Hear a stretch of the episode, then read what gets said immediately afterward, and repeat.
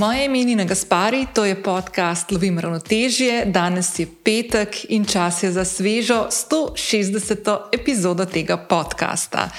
Današnja epizoda bo nekoliko drugačna. V njej boste spoznali 12 krasnih sogovornikov in sogovornic, s katerimi sem imela čas klepetati v sklopu dogodkov Miza za vsakogar, ki se je pod taktirko podjetja Mastercard Slovenije odvijal decembra 2022 v središču Ljubljane.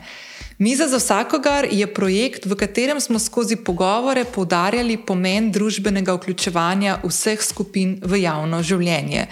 Za posebnim omizjem smo imeli čast govoriti z izrednimi posameznicami in posamezniki, ki se v svojem življenju srečujejo s številnimi ovirami in izzivi.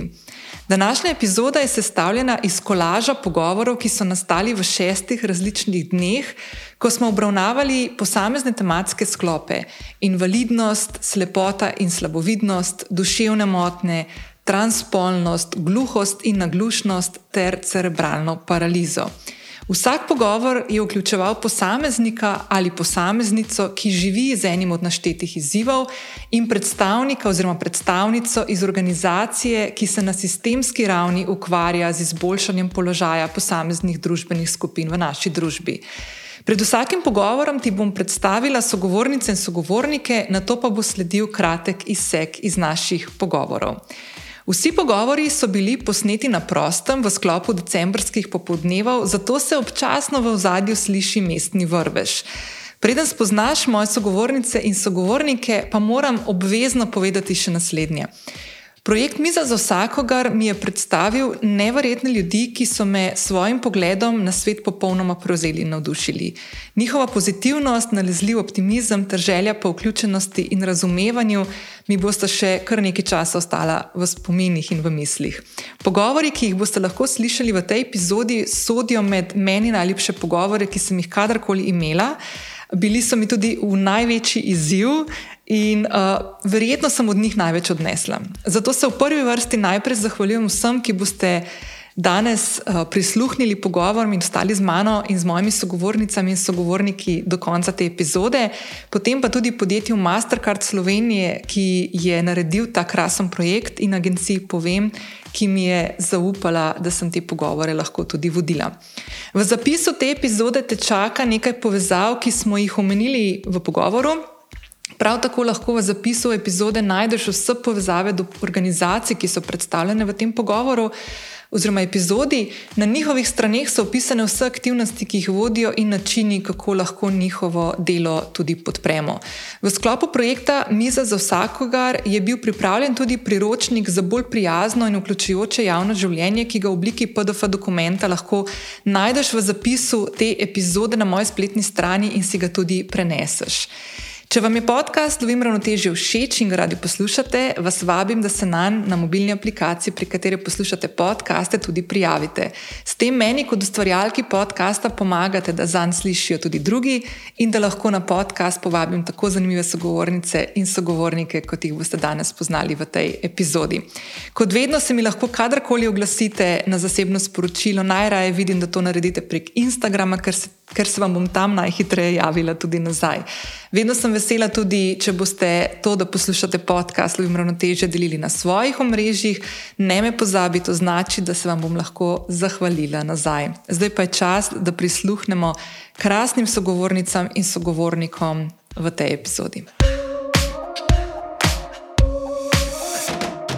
V prvem pogovoru boste spoznali Gala Jakiča in Mojco Vaupotič iz Nacionalnega sveta invalidskih organizacij Slovenije. Gal je bil star 13 let, ko je čez noč doživel infarkt hrbtenjače in od pasu navzdol postal hrom. Pravi, da je bila sreča v nesreči ta, da se mu je to zgodilo pri tako mladih letih, ko še ni imel široke slike o tem, kaj pomeni življenje z invalidskim vozičkom. Gal je tudi po poškodbi ostal predan športnik in je kot prvi invalid na vozičku postal redni študent na fakulteti za šport Univerze v Ljubljani. Leta 2014 pa nas je kot parašportnik zastopal tudi na olimpijskih igrah v Sočiju. Gal je svoje največje vsakodnevne izzive v besedu nekako takole: Invalidi se moramo ob vsakem odhodu od doma izjemno pripraviti. Točno moramo poznati lokacijo, najbližje parkirišče za invalide, kako je stranišči, kje so in ali so dostopna za vse nas. Že vnaprej si moramo zagotoviti tudi pomoč za dostop v prostor, če je ta potrebna. Invalidnost je trajna telesna ali duševna okvara posameznika, ki je z medicinskim zdravljenjem ali rehabilitacijo ni mogoče odpraviti. V Sloveniji je registriranih več kot 118 tisoč invalidov z različnimi okvarami in stopnjami invalidnosti, za njihove pravice in vključevanje v javno življenje pa skrbi Nacionalni svet invalidskih organizacij Slovenije.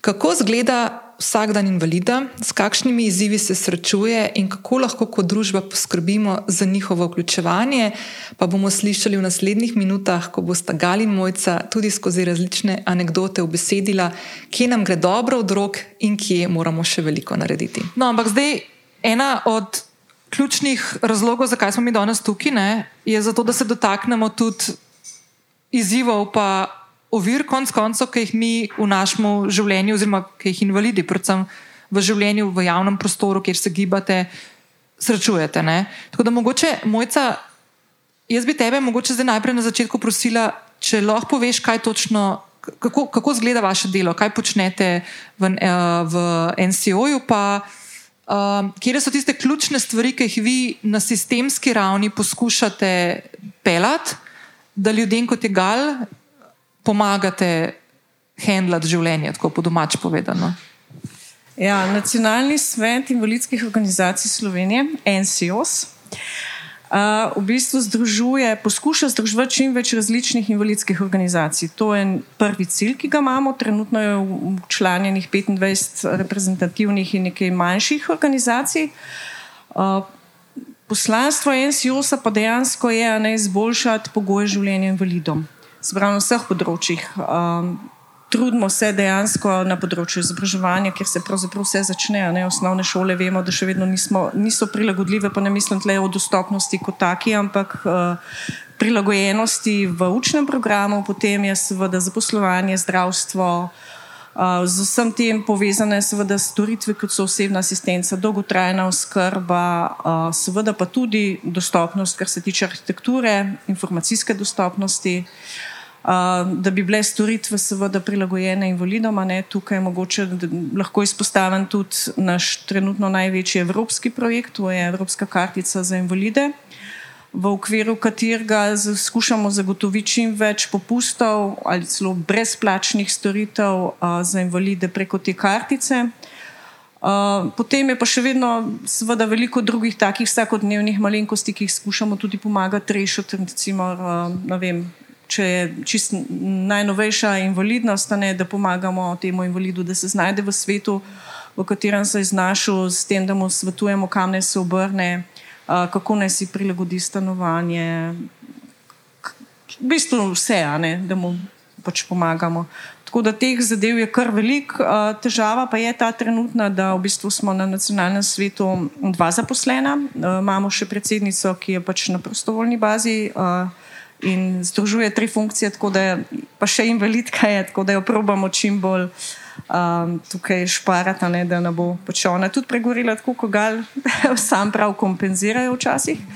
Um, se, smo pa zdaj v pogovorih z vlado, da bo končno tudi ona prepoznala našo pomembno vlogo, ker uh, v letošnjem letu je bila ustanovljena na uh, vladi fokalna skupina, imenujemo to je v bistvu neka fokusna skupina ki uh, deluje na, uh, na področju vlade.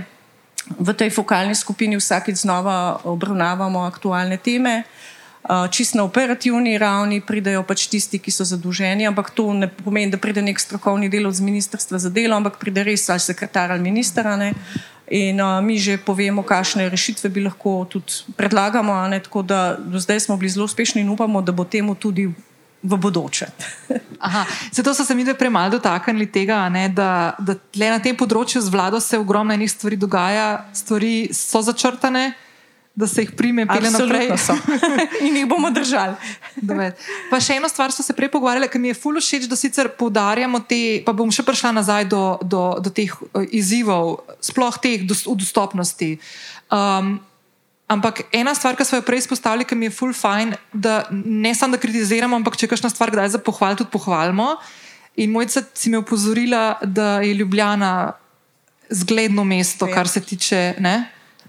Jaz mislim, da je sicer bo tega lahko tudi še svoje povedal kot uporabnik, on je siguren prvi, ne? ampak glede na moje izkušnje, ker zadnje leta kar nekaj potujem tudi z avioni, z različnimi transportnimi sredstvi, z kolegi, ki so invalidi, ne, ki pač potrebujo neko dodatno storitev oziroma drugačno storitev, se mi zdi, da Ljubljana je kar zaenkrat je prijazna. No? Uh, jaz tukaj mogoče si želim ne, in verjamem, da bo to v bodočnosti tudi, ne, da bojo tudi ti javni, uh, pač, uh, javni objekti bolj dostopni. Tukaj predvsem mislim, recimo, palačo predsednika. Ne, uh, ki se sicer zelo potrudi, ne imajo tudi neke uh, dvižne ploščadi, ampak potem, ko je pa recimo po nekem programu uh, banket, ne, pa invalidi do banketa ne morejo priti. Ne. Žal temu je res tako, tako da upamo, da se bo to uh, spremenil. Enako je tudi v državnem zboru. Naša predsednica mora na seje odbora čez zadnja vrata hoditi in to meni strašansko boli. Um, se pravi, no, so pa še uh, take druge stvari, ki so bolj pomembne. So pa knjižnice dost dostopne. Uh, tudi mislim, da smo v tem projektu EU kartica na tem veliko naredili za urbanističnim inštitutom, ki pregleduje te objekte in jim tudi svetuje. Zdaj le tak primer je recimo prenova drame. Uh, tukaj bo šlo kar nekaj denarja, pa so na invalide popolnoma pozabili. Na vso srečo smo bili ravno v tistem času z njimi v pogovorih, da bodo pristopili tudi kot uh, pačeni ponudniki Evropske kartice, ne, in smo jih takoj spomnili na to. Ne. In bodo zdaj tudi namenili del sredstva temu, da bodo invalidi lahko prišli ne skozi zadnji vhod, pa ne vem, kje po enih hodnikih, ampak čez prva vrata. No, mislim, jaz bom gledala en primer, da sem ravno dva tedna nazaj bila na enem dogodku v enem od gledališč v Ljubljani ne bom jih tle ostala, ker se niso konec koncev krivi, ampak bi bilo lepo, če poskrbijo za to, no, čim prej. In sta bili dve govorki na invalidskem vozičku in so jih mogli nositi gor na odrne. In to je bilo, mislim, jaz kaj tazga še nisem videla grozen, no, res. Uh, mogoče tudi lokacijo, ne vem, drugače zbrati, no, ampak je pa res, da konec koncev. Tle pridemo pa zdaj do tega, ne, zakaj smo danes spet tukaj. Kako je pomembno, ne, da tudi ti, da ne delaš nekih ne vem, kakšnih strategij velikih, ki greš od doma nekam. Ne? Na... Ja, mislim, tako je. No. Ljubljana v resnici, jaz jo gledam pač iz prizme tega, kaj se je zgodilo med letom 2002 in 2022. In 2002, ko sem jaz prišel na invalidski voziček, je bilo edino dostopno stranišče v širšem centru, v Grand Hotelu Union. In jaz sem celo srednjo šolo vedel vse profile stez, ker pač imam to smolo, da če me zelo na vece tišči in se preveč naprej nagnem in me hur spusti, ne, si točno vedel, po katerih klancih moraš priti do tja, da pač ti vmes me hur ne spusti in da te lahko še ta pravi čas spravijo na stranišče. Um, danes je teh dostopnih stranišč tudi v starem mestnem jedru kar precej. Um, ni vse idealno, seveda ne. Uh, vedno pač gledaš, uh, tudi jaz gledam veliko tujino, kaj se da, ne, kakšen je pač ta nivo dostopnosti. Jaz sem pač letos slučajno smo bili dvakrat v Londonu.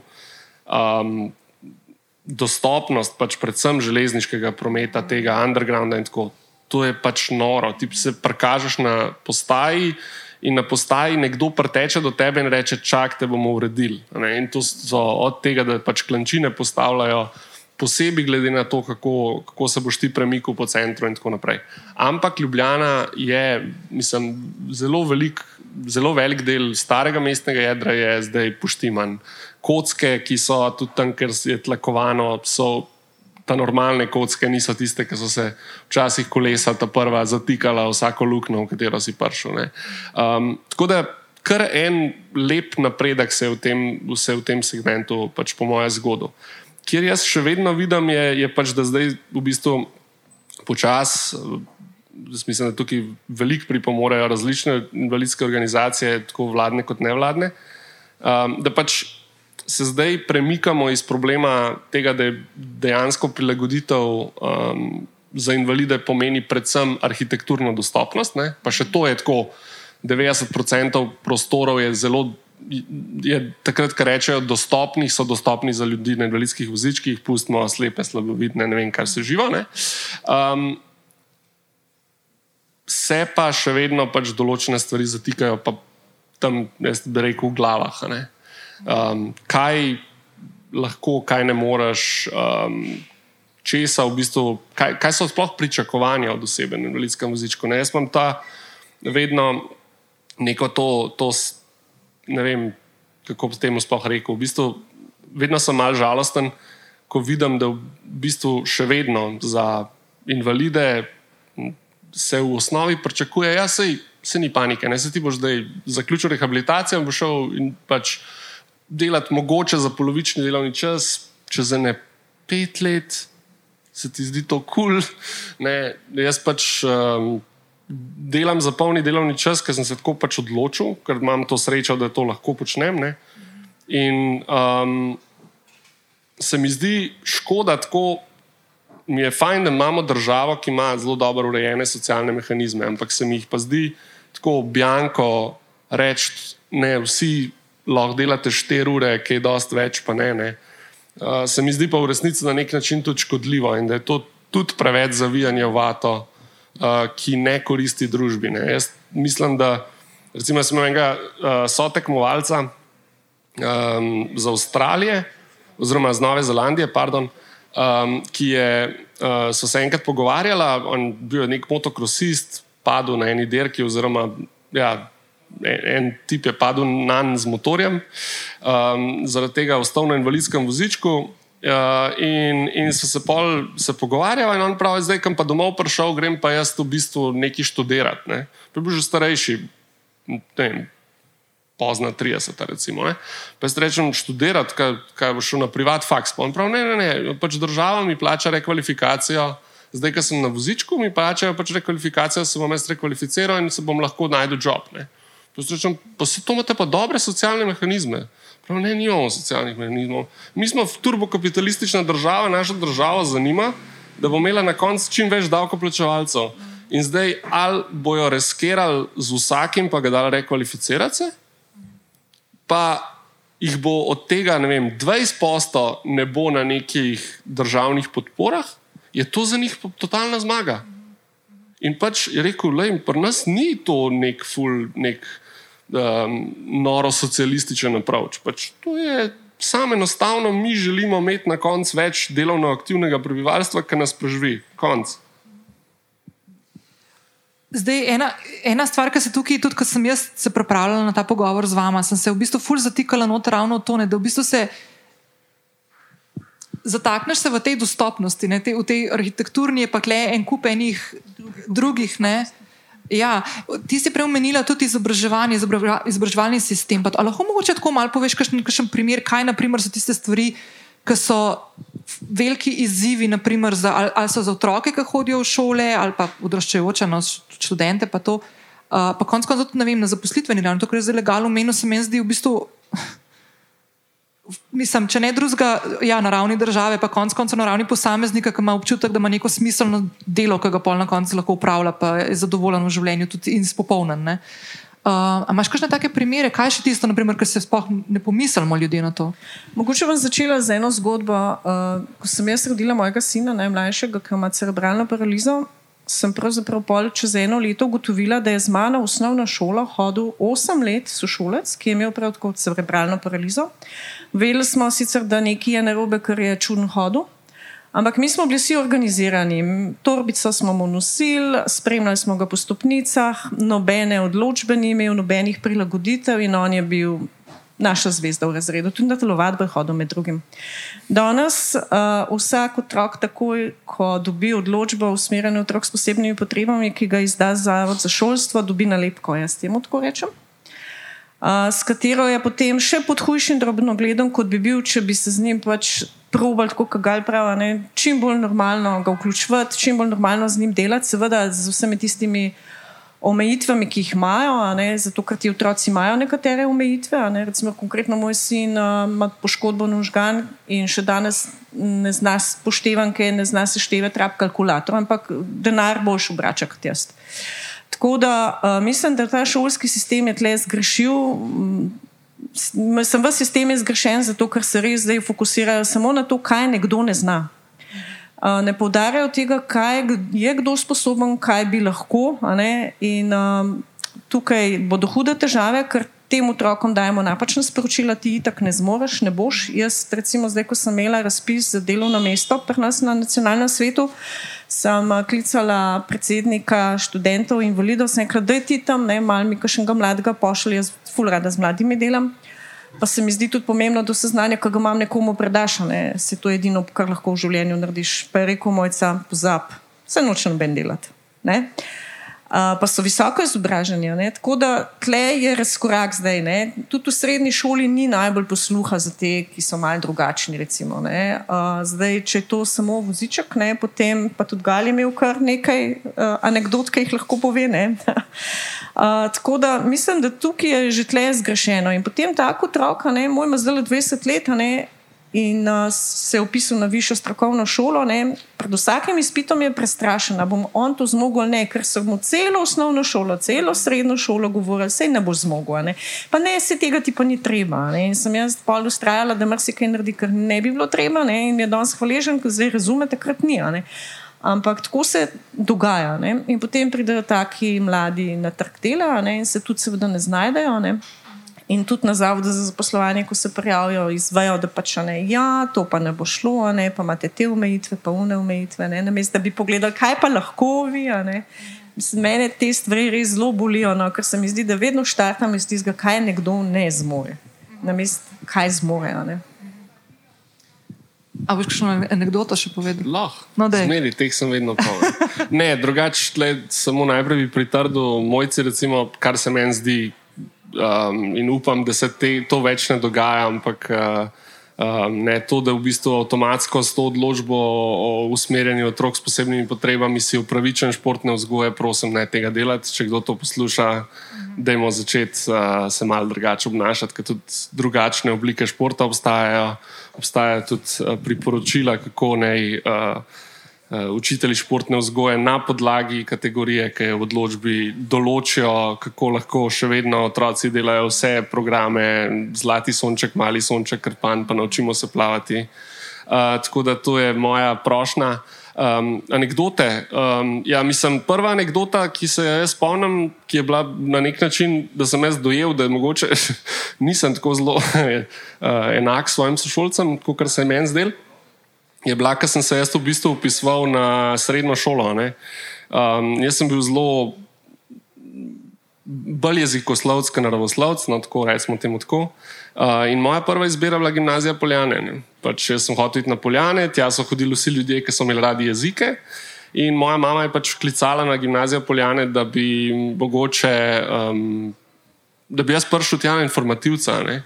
In pač, um, ne vem, koga je takrat dobila na telefon, je pač ta oseba rekla: um, A veste, mogo, ne, mi, mi smo pa slabo prilagojeno šolo, mogoče bi bilo bolje, da gre na Lvič, ki ima dvigalo.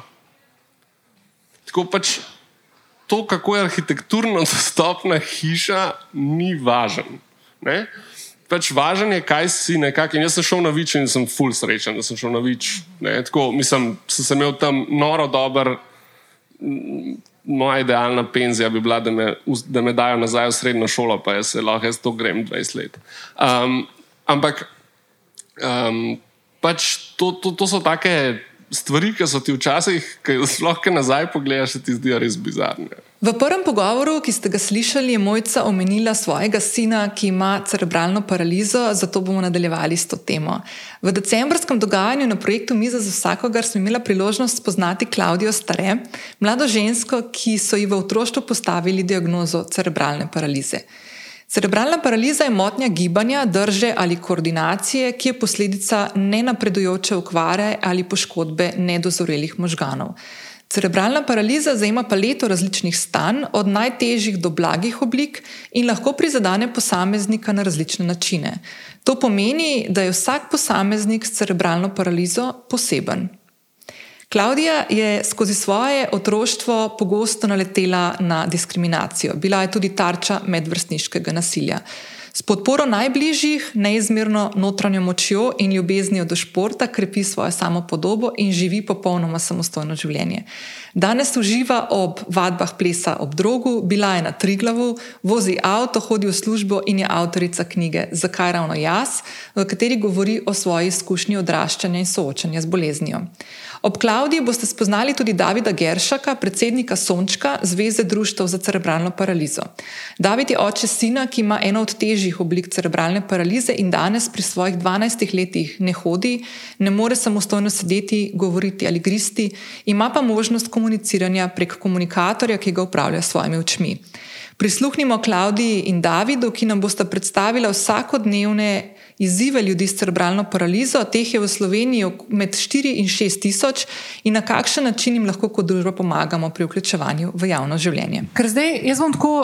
Jaz sem v teh pogovorih rada tako zelo iskrena, pa včasih tudi malo po, pokažem svojo nevednost. Ne. Naprimer, um, ko sem jaz uh, tebe malo šla googlati in videla, pa bo to še se dotaknila, boš malo več povedala, kako, s čim se ukvarjaš v življenju in tako.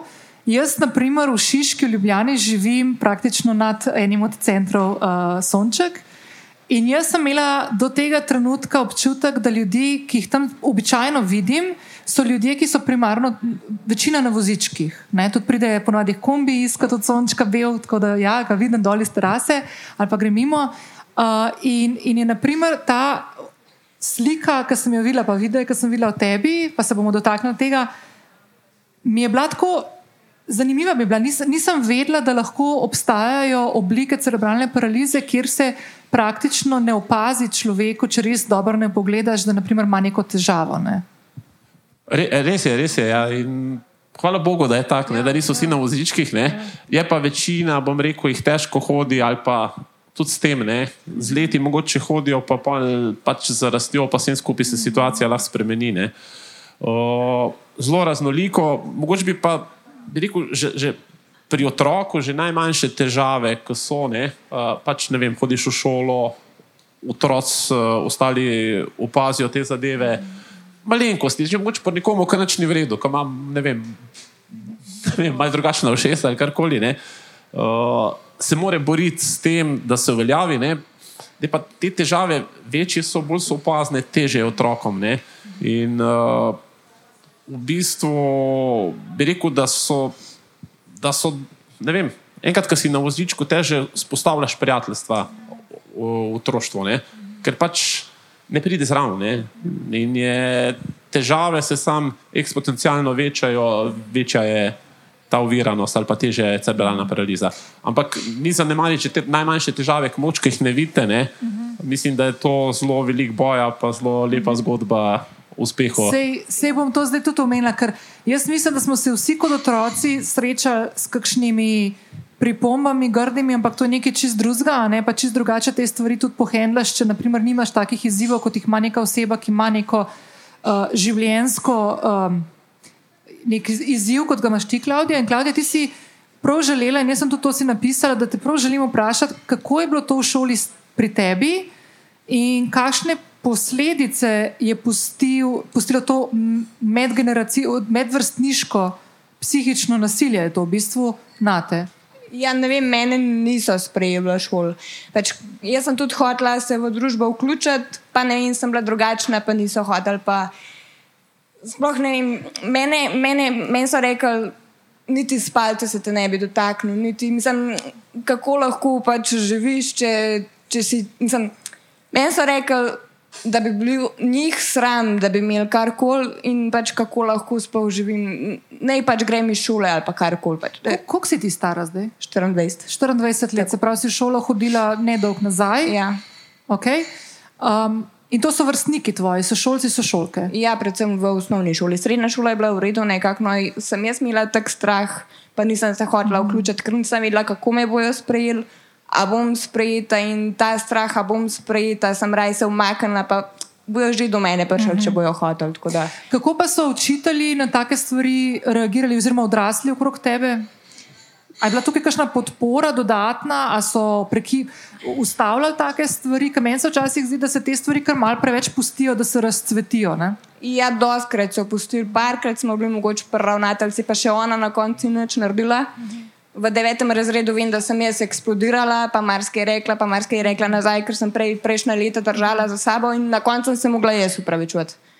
Nihče pa, ni, nihče pa ni pogledal, da sem devet let jaz trpela grde besede, grde opaske.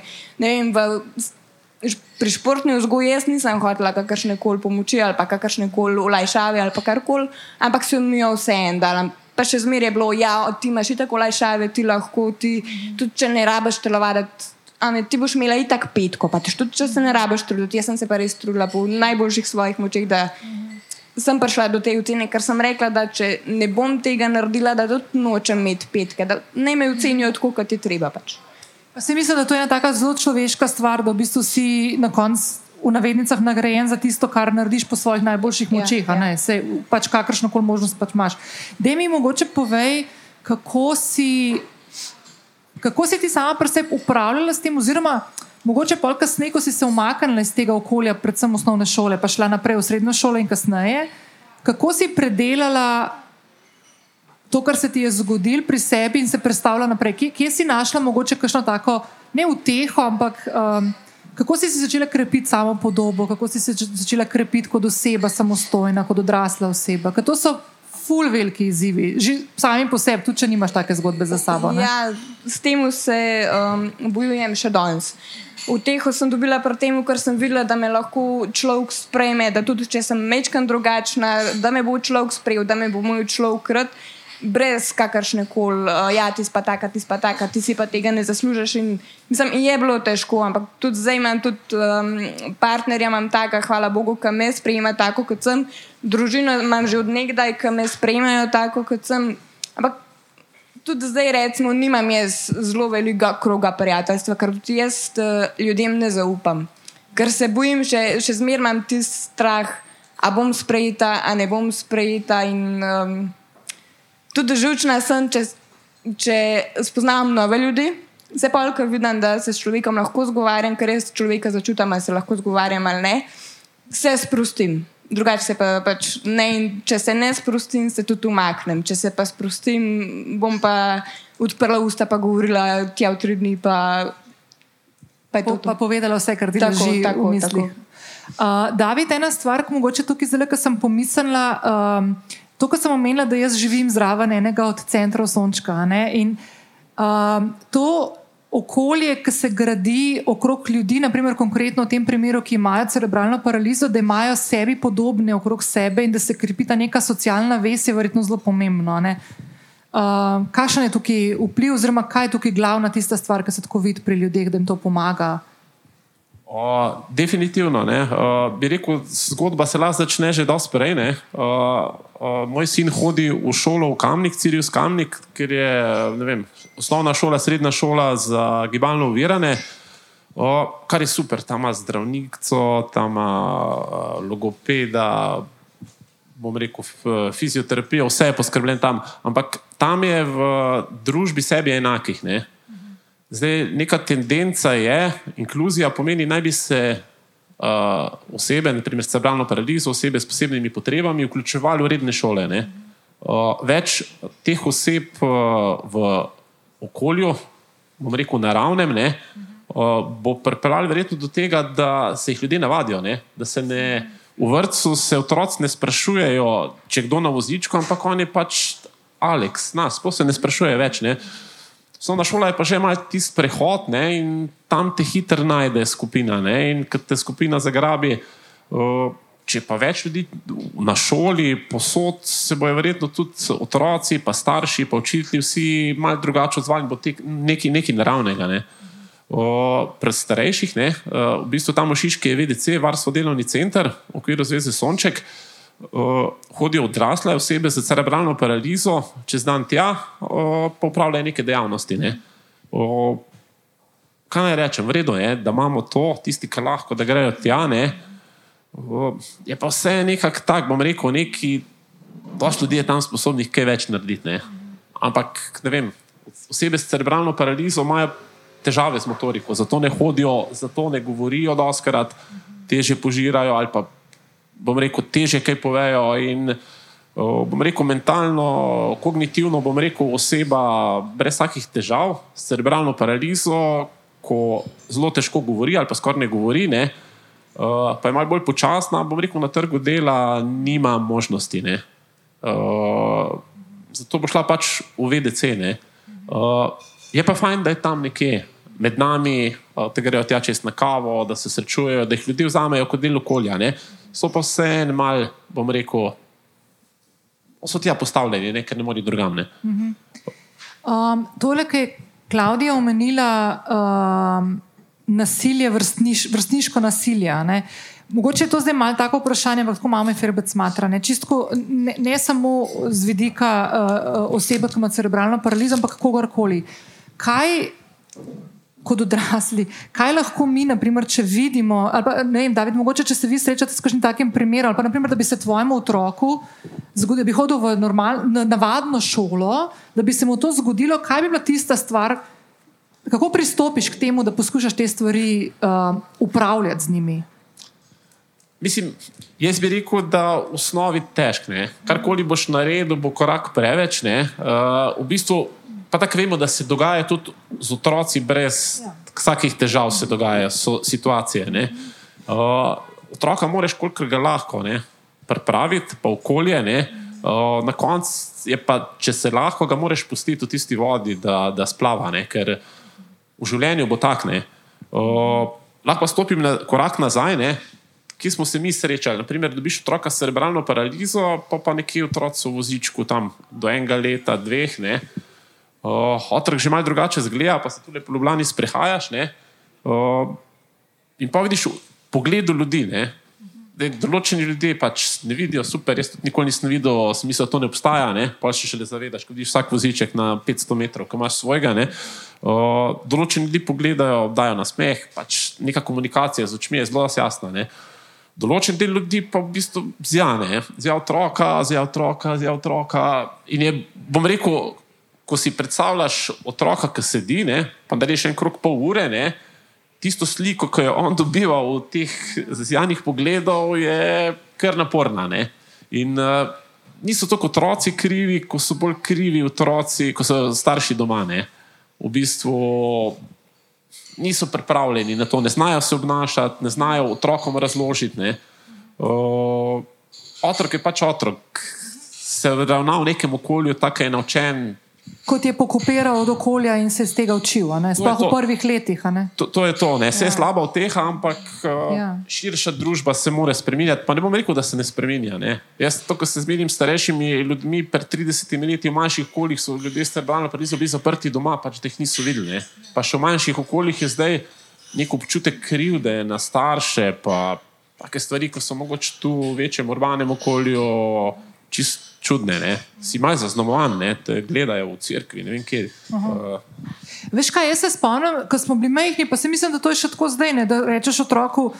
Če vidiš osebo na vozičku, ali pa da je kakšna oseba, oseba malo drugačna kot si ti, ne, ne gledaš, ne bulaš. Ampak to je samo en del tega, pole pa drug del tega, kako se ti obnašaš, ko prideš v interakcijo z osebo. Vem, lahko je tvoj sošolc v šoli, kako zdaj pristopiš. Veš, mi se ne učimo tega mehkega, ki ni mehko, ki v bistvu so blazno pomembne stvari, ampak kako pristopiš. To vam zdaj le jaz v teh šestih pogovorih, naprimer, uh, konstantno pri sebi preverjam. A veš, kako pristopiš k enemu človeku, ki je vem, ali gluh, ali slep, invalid na vozičku, naprimer ti, Klaudija, kako pristopiš, da ne daš občutka, da to si tudi jaz ne bi želela, da nekdo me pomiluje, ne? po eni strani, po drugi strani pa da pokažeš, če potrebuješ kakšno pomoč, povej, sem tukaj, ti pomagam, skočim jaz kakšno stvar iskati, če ne moreš. A veš, kje je zdaj tista meja, oziroma kaj je tisto, kar bi lahko vsak od nas mal naredil, da, znal, da bi znal prestopiti na prav način. No? Ja, jaz mislim, da je neka čist, bom rekel, ni treba kaj dosti razmišljati, čist neka zdrava pamet. Ne? O, pač v ljudeh, ne vem, zadnjič vem, da se tam v polju se naredila nesreča, je nekdo pelal v nasprotno smer ne? in se na tem nadvozu se nabrali, ne vem, 40 ljudi je tam stal, pa gledal, pa čez, čez eno uro peljem nazaj, pa spet 40 ljudi, verjetno drugih tam gleda. To, In ta reakcija je vprašljiva. Vse smo vsi, zanima nas, kaj je to. Ne? Ampak na drugi strani je en človek tam umrl. Uh, mal ta občutek, eni ljudje se ustavijo, eni se ne, ne in vedno bo tak. Ne. Tako da vsak človek pomisli na tak način, kot ti je že naredil vse. Ne. Um, ja. Sla, mal, mal sla, slaba tu lažba, ampak ja, je. Veš, mal, Čuti se energija. Ne. Uh, čuti se, ne, tist, pač, bom rekel, ravno ta pogled, ne, vsi odrasli se ne zazjamo. Ne, ko pa je nekaj z nekom narobe, fes na drugi strani, ki te fokusira predolgo ali pa odvrne pogled. Ne, otrok je pa drugačen, tako otrok je pa ne bo glen, ne, tle pa lahko tist, se možgani skozi sprašuje, kam je, kam je, kaj je s tem, to še nisem videla. V tem smislu. Ne, in ni vredno. No. Ja, Sam še zmeraj treba pač učiti, da je treba sprejemati drugačne. Ker mi ljudje tako začutimo, a nas človek sprejema ali nas obsoja. Pa čeprav on tega ne pokaže, se ima pač vse nekaj, ki ti da vedeti. Resno jaz zelo začutim nekoga, a me bo sprejel, ali me gleda po stran, tudi ta je pa malo čudna, ta pa malo tako čuden hod, kva je zno, ali me sprejme vsaka čas, ne vem, lej, naredila je to, kar je naredila, ne, in, ne, in to se začuti. Čeprav pri meni v osnovni šoli je bilo tako, če si drugačen, te ne bomo sprejeli. Ne? Ker tudi sestra je imela z, z družbo je imela zelo težav. Sem bila jaz tista, ki sem jo um, nekako je bila za mano, pa sem bila jaz ni ščit, ker ona je bila pa še bolj um, švoh, kar se tega tiče. a, introvertirana, misliš, tako zapr, bolj zaprta. Ja, bolj vase. zaprta vase, bolj, bolj je bila uh, občutljiva na to, prej je zajokala, jaz sem bila še tista, pa dobro, sej bo, veš. Sej, Ker sem domov prišla, sem tudi jaz jokala, ni, nisem pa pokazala tega tam, ker nisem hotela. Pol bojo pa rekli, ja, um, švoh je joka, ker v srednji šole joka ali pa karkoli. In Takrat sem jaz ratala močna, pa njo sem nekako za sabo držala, da so jo njo pustili na mir, da je raj meni, ker sem pač še zmeraj močnejši od njega. Tako da, ne, ta, to sprejemanje je treba tudi otroke začeti učiti. ke Ne pa da, da če. Pa tudi, če ima kriv nos ali karkoli, da je človeka sprem, sej ima glih tako srce pa dušo kot ti, pa glih tako mora skozi življenje priti, glih tako kot ti, ne, ne vem, no, ampak imajo drugačen pogled na drugačne ljudi. Zadnjič sem poslušala eno predavanje, uh, v katerem je bilo izpostavljeno, da otroci do petega leta starosti kopirajo s pogledom najprej primarno od staršev, potem v vrtu, kasneje v šoli, vrstnikov in te v tem drugem delu socializacije kopirajo ne samo besede, ampak tudi obnašanje, mimiko, gestikulacijo, reakcije na določene stvari in se tega učijo v, v bistvu v teh nevidnih vzorcih, ki jih imamo v družbi. No? Tako. In se mi zdi ful pomembno, da ne samo da učimo tako z besedami, ne? Ja. ampak da tudi z obnašanjem, pa z, z nekimi dejanji. Ne?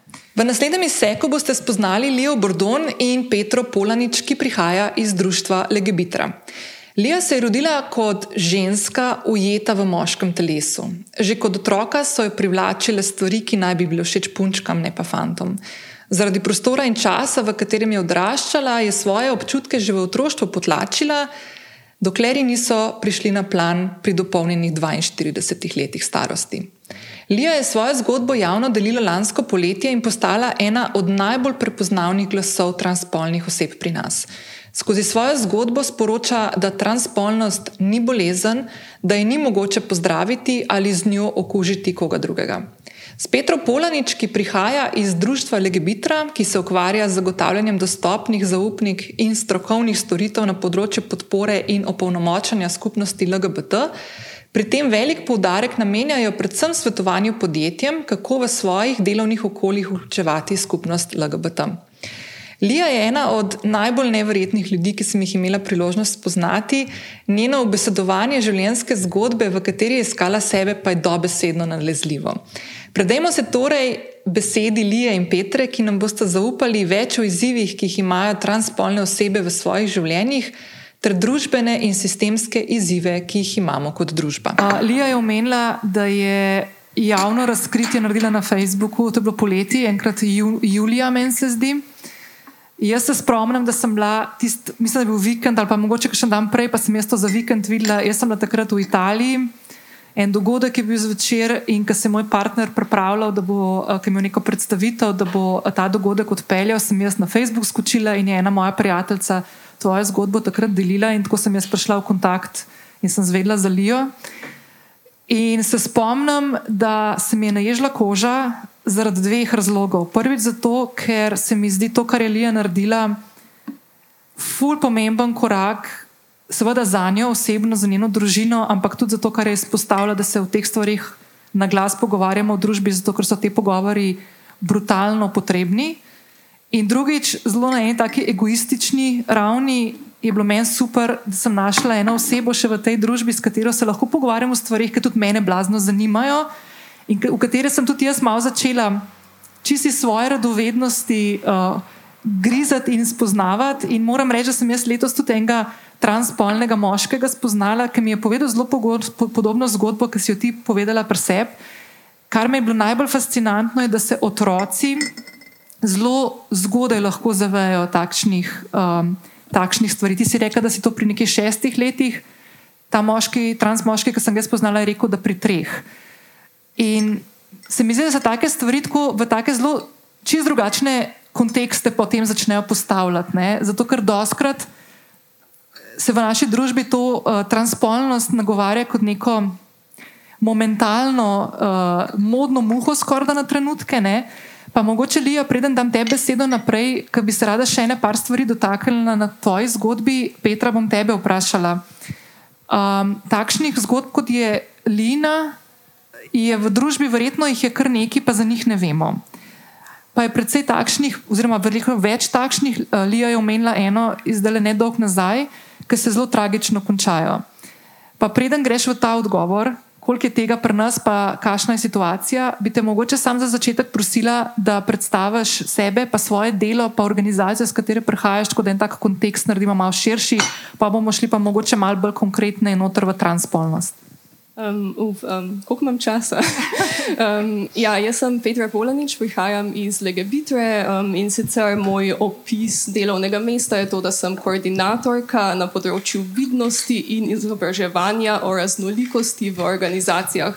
Um, kar je neka tako dolga zadeva, da pač moraš malo kar zadihati, ko to poveš, ampak v praksi to v bistvu pomeni, da. Um, skrbim ravno zato, ne, da so take zgodbe vidne, um, da se ozavešča in v bistvu delam tudi predvsej z organizacijami, s podjetji, um, zato da naslavljamo te stvari pač v različnih kontekstih, um, ne zdaj samo skozi neko izobraževanje v šolah, ampak dejansko pač v vseh situacijah, v katerih se ljudje znajdemo. Um, Lija je omenjala pač svojo izkušnjo z zaposlitvijo, s kariero, kar je um, razkritje pomenilo, in pač tudi to je nekaj, um, kar je smiselno naslavljati. Um, zdaj, ja, legebitra, mogoče kot kontekst. Um, mi počnemo kup različnih stvari, um, od neke mladine, imamo mladinski center v Ljubljani na Trubarjevi, um, nudimo svetovanje tudi za transspolne osebe. Um, pač, ja, delamo na ozaveščanju, na vidnosti, um, na pač nekem izobraževanju za podjetja, šole, um, različne organizacije, delamo smo recimo s policijo, um, delamo tudi na nekih sistemskih spremembah, hodimo na kup pač takih um, netokvidnih um, in javnih in zanimivih sestankov, ker se pač stvari premikajo počasi. Um, ampak ja, to je mogoče malo zadja o našem delu. Um, zdaj, če še odgovorim ne, na. Um, Ja, zdaj neka taka ocena je, da je približno pol procenta ljudi transpolnih, um, čistko za občutek. Um, in večina zgodb ni tako vidna, kot je Lina. Um, neke izkušnje, ki jih Lija opisuje, pač niso um, tipične. Ne? Um, omenjala si, kako je pač bilo to razkritje zelo javno, kako si dala na Facebook, kako so te kontaktirali mediji. Um, pač večinoma se to nekako ne zgodi in za večino transspolnih oseb in drugih LGBTI oseb. Um, Je razkrivanje pač nek vseživljenjski proces, ker vsakič, ko vstopiš v neko situacijo, um, ljudje predvidevajo, in vsakič je tisti moment, ko je pač treba to predvidevanje nekako popraviti in se razkriti. Tako da to je nekaj, kar se stalno dogaja um, in je pač neka taka bistvena razlika v tem, da um, v bistvu Lija je bila zelo javno izpostavljena, večina ljudi ni. Um, glede pač nekih zgodb, ki se končajo tragično, um, ja, vemo, da recimo pri transspolnih osebah specifično je kakšnih stisk, um, depresije, tesnobe lahko več. Um, razlogi za to pa pač niso v sami transspolnosti, ampak živimo v družbi, um, kjer v bistvu um, kdorkoli, um, ki recimo ni normativen, ne, ki ni heteroseksualna oseba, um, ki ni cisspolna oseba. Um, doživlja, mi temu rečemo, manjšinski stres. Um, torej, cel svet, družba, kako stvari funkcionirajo, so pač na tak način, da niso postavljene zate. In obstajati v tem um, je pač zelo naporno. Tako da, ja, tudi s tem je pač povezana izkušnja in kakšna težka zgodba. Uh, samo mogoče tako za kašnega, če ne bo razumel, cis pomeni uh, heteroseksualno v tistem spolu, ki si ki ti je bil pripisan ob rojstvu, se pravilno tudi reče, ne, v katerega si bil rojena. Uh, se mi zdi to tudi pomembno, mogoče tako z vidika, kako mediji naslavljajo, pa zakaj je pomembna ta distinkcija. Bom se tle malo ostala, pa me popravi, če sem mogoče narobe, kako sem jaz bila naučena letos. Uh, zakaj je pomembno, da se, da, da se v besedi ob rojstvu mi je bil pripisan spol ženske, naprimer, na mesto rodila si se kot deklica ali kot ženska. Kje je razlika? Razlika je v tem, da če sem se rodila, je na meni celo breme da moram živeti v svoji ženskosti, tudi če se v tem ne počutim, ali pa moškosti, Lija, ko si ti omenila svojo zgodbo. Če pa mi je bilo pripisano ob rojstvu, se pa del te teže prenese na družbo, ki je v svojih normativih postavila meni ta spol. A, a sem prav povedala? Um, ja, skratka, neka predpostavka pri tem, da rečemo, da se pač, ne vem, sem se jaz rodila kot deklica, je to, da je to v bistvu moj pravi um, spol z vsemi narekovaji. Um, če pa rečem, da mi je bil ob rojstvu pripisan ženski spol, je pa v bistvu neka bolj, bolj točen opis tega, kaj se je dejansko zgodilo. Pač glede na izgled mojega telesa, glede na telesne značilnosti, spolne značilnosti, um, je bil pač mi pripisan nek spol, um, v bistvu educated guess, um, če želite. Um, ki pač je viden na mojih osebnih dokumentih, um, v EMŠU in pač v tudi takih zadevah. Tako, to je neka, na nek način dosti dolgočasna zadeva z vidika um, dokumentov teh kategorij. Ne. V bistvu pripišemo nekomu nek podatek, ki ga je pa kar težko spremeniti. Zdaj, um, ena stvar, ki smo se danes že zelo konkretno uh, trčili v to, kar je Lija povedala svojo zgodbo, je, da živimo v svetu, uh, zdaj sicer mladi to malo na glavo postavljajo, kar je super, ki je zelo tak um, črno-bel, oziroma zelo, zelo se dajemo v predale, v enega ali pa v drugega.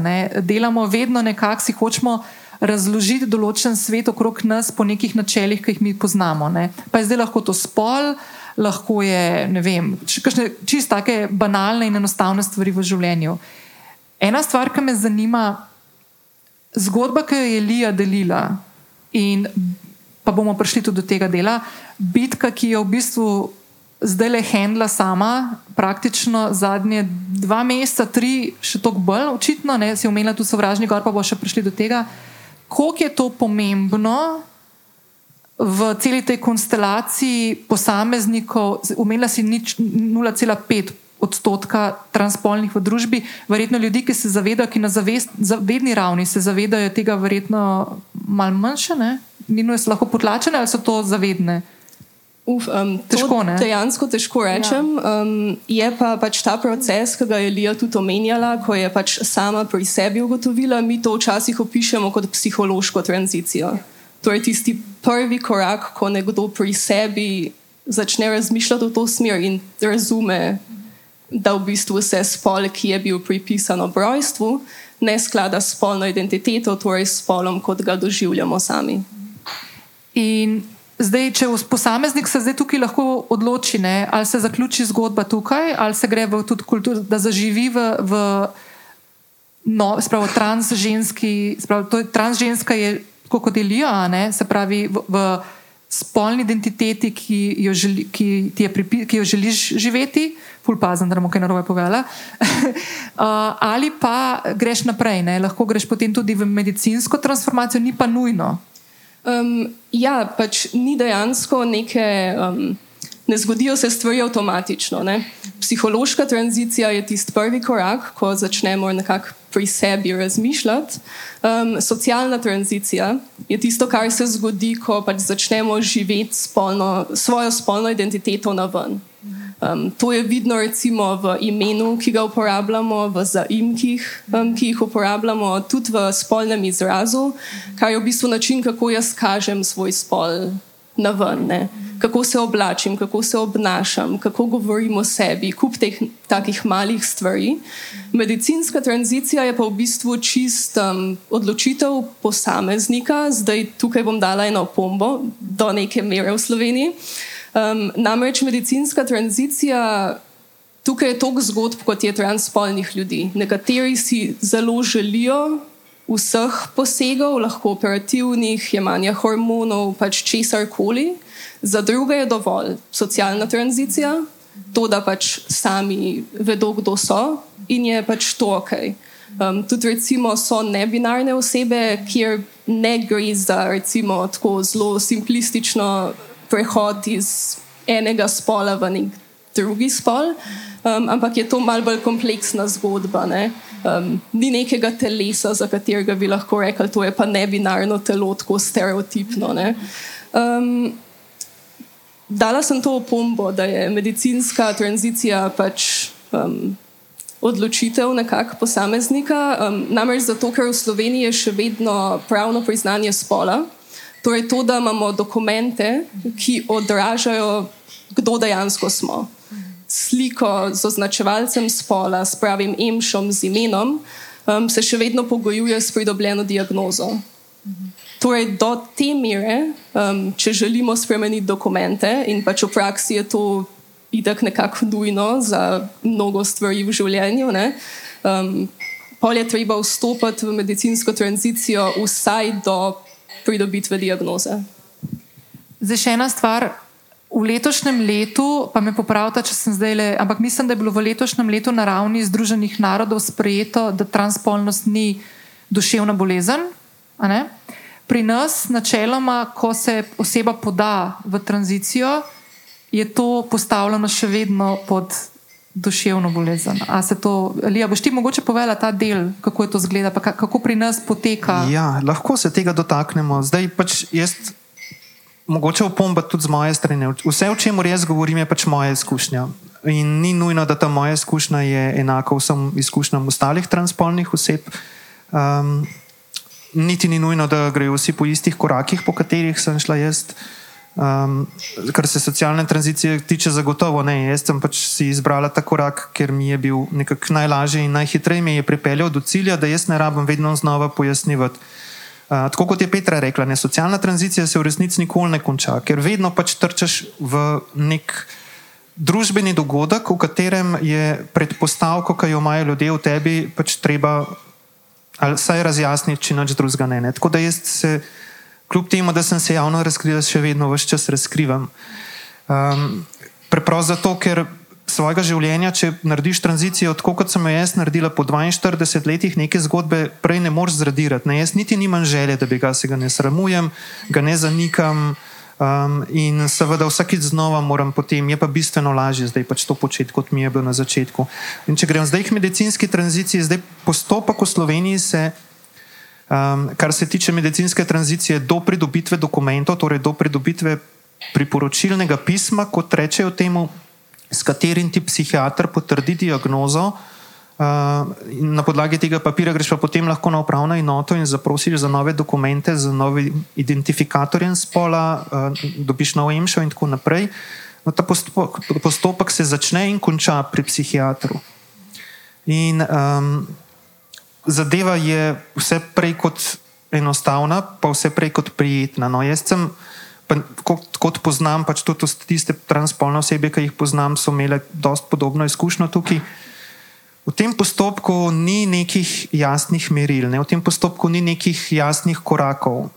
Zdaj, za vse ostale medicinske postopke imaš pač ti neke korake. Ne? Če si vem, zboliš za tem, imaš pregled, pa dobiš kaj, pač zdravila in imaš naprej preiskave. Skratka, veš, kaj te čaka tukaj noč ne veš, kaj te čaka. Ne? Vse je nekako v diskrecijski pravici. um, psihiatra. Um, pripisana ti je diagnoza, to je zanimivo, ne, že med samim postopkom medicinske tranzicije, ko si napoten na določene preiskave. Um, namreč moraš iti skozi skrb. Pač celo serijo nekih preiskav, če se odločiš za hormonsko terapijo, za operativne posege, za vsako stvar te pač nekam pošljajo. Um, in že na tukaj na, na, na napotnici ti piše, da pač v mojem primeru je pisalo moje moško ime in priimek, in pod spodaj diagnoza transseksualizem. In meni se zdi to v enem delu kar problematično, ne? ker te že takoj te nekdo nalepi. Čeprav se jasno ve, da transpolnost ni psihična motnja, da transpolnost, za transpolnostjo ne moreš zboleti, kar pomeni, da se jo tudi ne da pozdraviti. Trans... Tudi okužiti ne moreš. Pa tudi nobenega ne moreš okužiti. Ne? Jaz velikrat zdaj poslušam, ja, da bojo zato, ker jaz javno o tem govorim, ali pa kdorkoli drug, da se bodo ljudje množično začeli odločati za spremembo spola. Ampak spol je nekaj, kar doživljaš svojega doživljanja, pa ti ne moreš razumsko spremeniti. Ne? Če mi ne verjamete, kar probejte, zdaj se odločite, da od danes naprej živite v spolu nasprotnem od svojega in poskušajte furati dva dni, pa vam garantiram, da do večera ne bo noben zdržal. Um, in v kontrasmerje pa isto, ne? če si pač prisiljen živeti neko družbeno vlogo v spolu, s katerim res nimaš ene same stične točke, je pa trpljenje v bistvu na drugi strani. Um, in meni je bil ta postopek medicinske tranzicije ogromen izziv, predvsem zato, ker jaz sem si nekako želela življenje zorganizirati na novo. In zdaj, če ti ne veš, kaj te čaka, pa kdaj te čaka naslednji korak, pa kdaj boš skozi to kalvarijo prišel, če sploh boš prišel, ker nekateri so ujeti od poleta. Uh, Meni je pomagalo veliko in izobrazba, in socialni status, in to, da sem imela podporo v družini. Ne? V bistvu vse tiste stvari, ki načeloma ne bi smele biti merilo za neko medicinsko obravnavo, so meni v bistvu ful pomagali, da sem šla lahko skozi ta proces hitreje skozi. Um, Jaz sem namreč imela družino, pa otroke. Jaz v svojem lokalnem okolju nisem bila sprejeta. Mi smo se mogli zorganizirati, kako se bomo preselili, kam se bomo preselili, kam bomo prešolali otroke, Jaz sem vedela, da bom službo mogla pustiti. Mislim, to je že selitev v življenju včasih težava, ne? je tako ful velik dogodek v življenju. Ne? Zdaj pa, če dodaš še kupico nekih stvari in uh, za, na vrh gor pa postaviš en ogromen kos um, sadja, ki je se mu reče negotovost, ki ne veš, kako boš lahko prišel, pa kdaj. Pa to um, enostavno te pahne lahko v neko tako apatijo, ko se včasih vprašaš, če ima smisel vse skupaj početi. Je pa pogoj, ne? jaz sem za čisto vse posege, za katere sem se pač odločila, zato da bi se čim bolj približala zunanjemu izrazu tistega, kar pač čutim v sebi, um, sem rabila papir. Ne? In Ta papir je pač seveda v domeni konzilija, interdisciplinarni medicinski konzilij, ki v Sloveniji skrbi za medicinsko tranzicijo transpolnih oseb. Um, je tisti, ki te vse čas obravnava, je tisti, ki te vse čas spremlja in brez odobritve konzilija, brez podpisa dveh psihiatrov na papirju, da ti je dovoljna, dovoljena recimo neka pač operacija, uh, da ti je dovoljeno iti v uh, hormonsko terapijo, s katero si veliko lahko pomagaš. Um, ne, brez, brez teh odobritev pač ne moreš narediti čisto nobenega koraka. Tukaj ni nobene možnosti za neko samovoljo. Ne. Jaz, jaz sem svoje posege plačala samo plačniško, ne, ne na zavarovalnico, ker preprosto so čakalne dobe predolge, za nekatere stvari pa niti nimamo specialistov, ki lahko naredijo to. Um, in tudi pri zasebniku sem pač morala prenesti potrdilo. Um, in začel se je moj proces pri psihiatrinji, in končal v narekovajih se je ravno tako pri psihiatrinji. Vmes pa pač kupico nekih stvari. Mislim, da je meni ena stvar, ki sem zdaj že parkrat, ko sem se pogovarjala s transpolnimi osebami, zaznala in začutila prvič, da si ne morem predstavljati, kaj v življenju doživljaš, če greš po tej poti, ker nimam te izkušnje in to težko. In najbližje, kar lahko začutim, je to, če nekdo pove svoje lastne zgodbe, kot ti zdaj delijo, to deliš z nami. Uh, je pa ena stvar, ki je skupna, to skozi ta postopek, ki se gre uh, skozi komisijo, v katerih rokah dejansko je tvoja soda. Imam tako občutek, da moraš ne, nekno, ne glede na to, kaj se ti dogaja znotraj, ko si. Um, Prej si fule povedala, da po eni strani je bila odrešitev, po drugi strani se ti je odprl en kup enih novih, če rečem, izzivov, sem zelo ulepšala, ne, stvari, ki nisi vedela, kako jih boš speljala, na kakšen način. Tako da si v situaciji in na čustveni, in na psihični, telesni, tudi konc, konc koncev ravni, ki ne veš čist dobro. Ne moreš biti močen, po domač povedano. Ko pa greš skozi ta postopek, moraš pa dejansko dajati v navednicah občutek, da si zelo prepričan, zelo močen in je ta neka taka diskrepanca, ki se mi zdi tako zelo nečloveška. Bog ne da, da pokažeš, da te je tudi strah določenih korakov. Ne? Ja, drži, to, mislim, to, to je ful velik problem, ker um, Vse pomislite, da no, pač vsi, vsi gremo skozi življenjske izzive. Ne? Pač moj je specifičen v tem delu, da sem transpolna oseba, kakšen drug ima pa pač kakšne druge. Ne? In za vsega izmed nas so trenutni izzivi najtežji in največji za nas, ne? tako kot jih doživljamo. Ampak kljub vsemu, pri določenih stvarih v življenju imaš nadzor sam. Tukaj ga pa de facto nimaš, ne? nimaš ga. Pač si v tvoje usode v rokah, odločitev drugih. In uh, ne vem, no, to, to je um, močen biti v takih momentih. Jaz, prav za res, če sem čisto iskren, pa po pravici povem, še zdaj ne vem, kako čistočno mi je uspelo. No, jaz sem na eni točki preprosto nehala razmišljati za večkrat tok naprej, kolikor sem imela kapacitete, ker, ker se mi je začel drugače mešati. Če sem razmišljala o preveč korakih naprej, preprosto ni, ne, ni, moj um ni bil sposoben tega niti, niti si ne zamisliti, niti ne predelati, kaj šele, da bi se lahko pomirila s tem. In jaz to res pogrešam. No, jaz res pogrešam. Jaz sem si nekako predstavljala, da je medicinski konzili namenjen ljudem, kot sem jaz, zato da jim pomaga čim lažje priti pač skozi nek postopek, ki je že sam po sebi zelo zahteven. Nikakor si pa nisem predstavljala, da bom jaz v tem postopku morala vse čas igrati, dobesedno igrati nekoga, ki je močan, nekoga, ki ga nič ni potrl, nekoga, ki ima vse čas podporo ljudi okrog sebe, nekoga, ki se mu ni treba boriti za obstanek, ki se mu ni treba boriti za življenje, ki je čist indiferenten, pač ja, ok, v redu, službo bo treba pustiti, preselce bo treba otroke bo treba prišolati, nisem čist prepričana, bom sploh še koga ohranila v življenju. Nekaj takoj, ko pokažeš najmanjšo šibkost, najmanjši dvom, takoj se začnejo ukvarjati s tabo, ne kako ti bodo pomagali, ampak katere pridružene bolezni ali pa psihična stanja imaš, ki jih je treba še prej ne vem kaj pozdraviti. Te poslati še ne vem kam, da bodo preverili, če, če ja ni to, kar v bistvu jim razlagaš izmišljeno, če se to vse skupaj ne zmišljuješ, če nisi slučajno padel pod vpliv nekih množičnih ameriških medijev, ki to kao zdaj masovno propagirajo ne, in se folk odloča za transpolnost, kar se nekaj drugega, bolj pametnega ne more zjutraj spomniti. Um, ampak jaz, jaz de facto ne poznam človeka, ki bi se šel narediti v življenju popolno razgradnjo svojega življenja in postavljanje vsega nazaj spet na novo samo zato, ker nima kaj druga, drugega pametnega hobi, za početje. Ja. ja. V naslednjem izseku iz sklopa pogovorov Mize za vsakogar boste spoznali Jako Tomca, pisatelja, ki zadnjih vsaj 14 let živi z bipolarno motnjo, in Amalijo Klopčič iz društva Altra. Jaka je prve razpoloženske motnje opazil pri svojih 25 letih starosti, ko se je udeležil absolventskega izleta, diagnozo bipolarne motnje pa so mu zdravniki postavili tri leta kasneje. Bipolarna motnja je ena od množice mentalnih bolezni, ki jo kljub svoji kompleksnosti Jaka razloži kot nekaj časa si dobre volje, polne energije in takrat je svet lep. Na to si nekaj časa slabe volje potrd in takrat svet ni več lep. Večino časa pa si nekje vmes, tako rekoč normalen.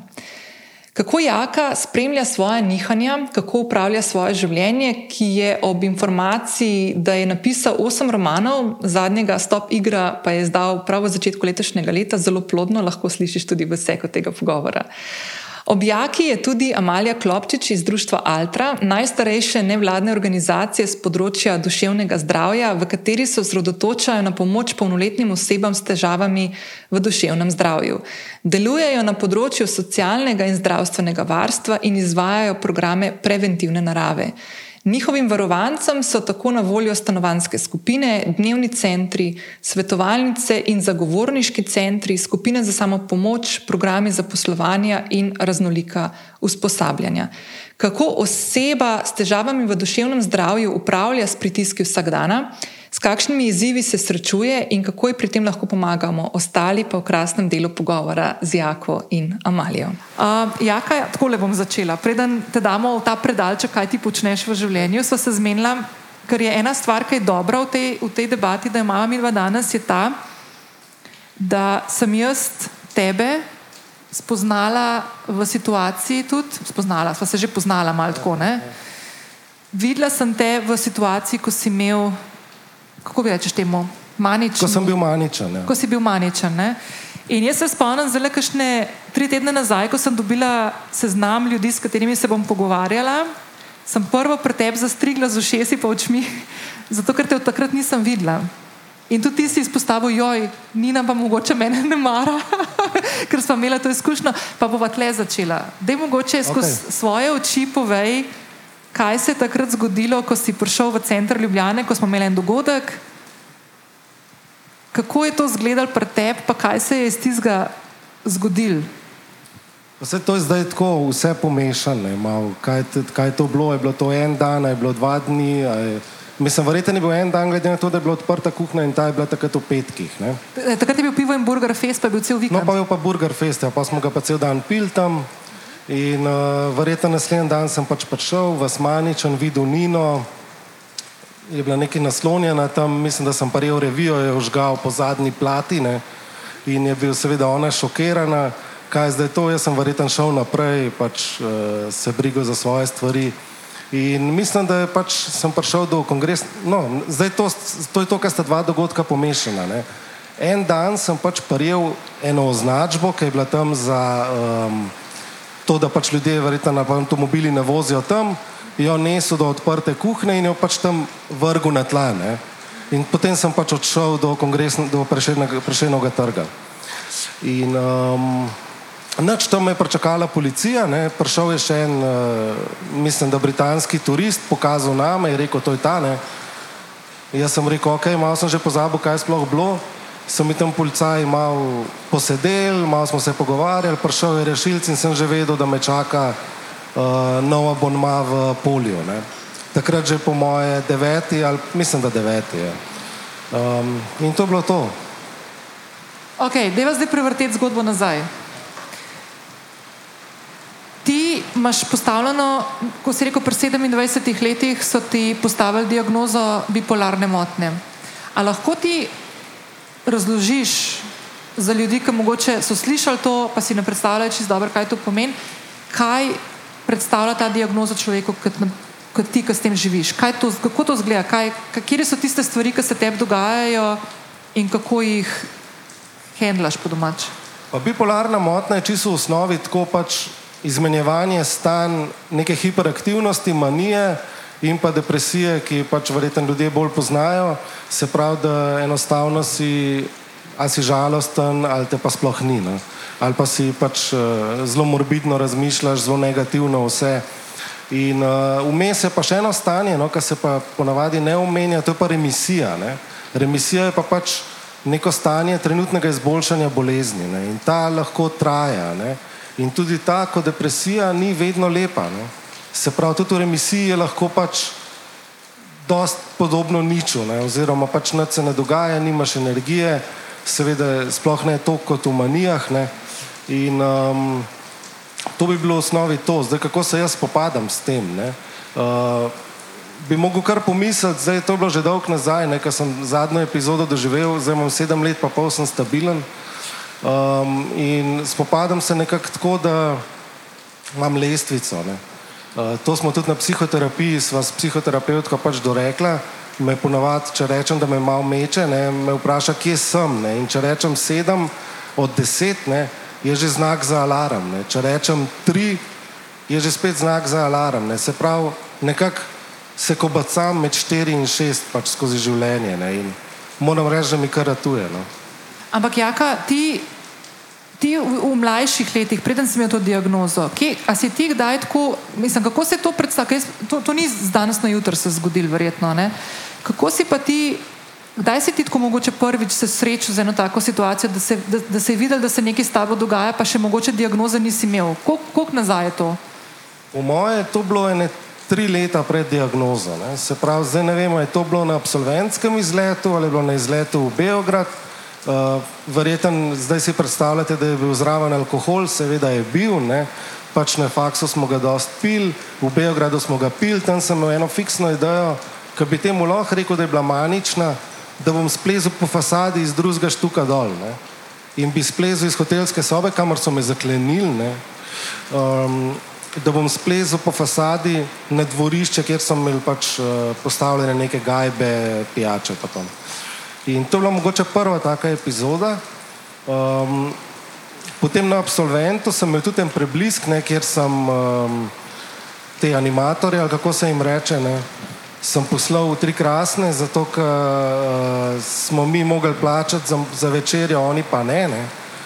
Um, takrat me niso zakrenili v sobo na ladji, ampak uh, vem, da sem šel pa v sobo sam in sem se zjokal tam. Ne. In potem sem se še na palubi zjokal enemu frendu. Um, tako, no, mislim, da so bili to začetki. Ne. Ok, um, Amalija. Zdaj, um, Društvo Altra je najstarejše društvo, ki se ukvarja pri nas na področju duševnega zdravja oziroma duševnih bolezni. A lahko najprej en kontekst narediva, pa mal predstaviš društvo, pa področje, na katerem delujete, pa bo pa mogoče malo bolj konkretno šle v kakšne programe pa izzive. Ja, jaz prihajam iz Društva Altra. Društvo Altra je, kot je rekla Nina, res najstarejše društvo na področju duševnega zdravja v skupnosti. Uh, to se pravi, mi smo že leta 1992 preselili prve stanovalce iz Zavoda Hrastovec. Uh, ne vem, koliko to poznate, ampak to je res uh, zavod, zavod, v katerem ljudje prebijajo cel, lahko tudi celo življenje. To je bil takrat prvi poskus. Uh, zdaj tako zvane dezinstitucionalizacije, ki je zdaj tako moderna.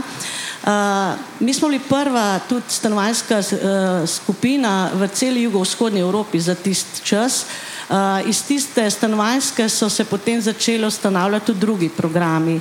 To se pravi, potem uh, smo uh, začeli s programom svetovalnice, to se pravi za svetovanje za ljudi s težavami z duševnim zdravjem. Uh, Potem uh, eh, 1990 tudi potem dnevni center, kar je tudi zelo pomembna oblika pomoči, ker ljudje s težavami duševno zdravjem, to se pravi, kot je rekel, ja, bipolarna, šizofrenija, depresija, razne psihoze, skoraj da nimajo socialne mreže.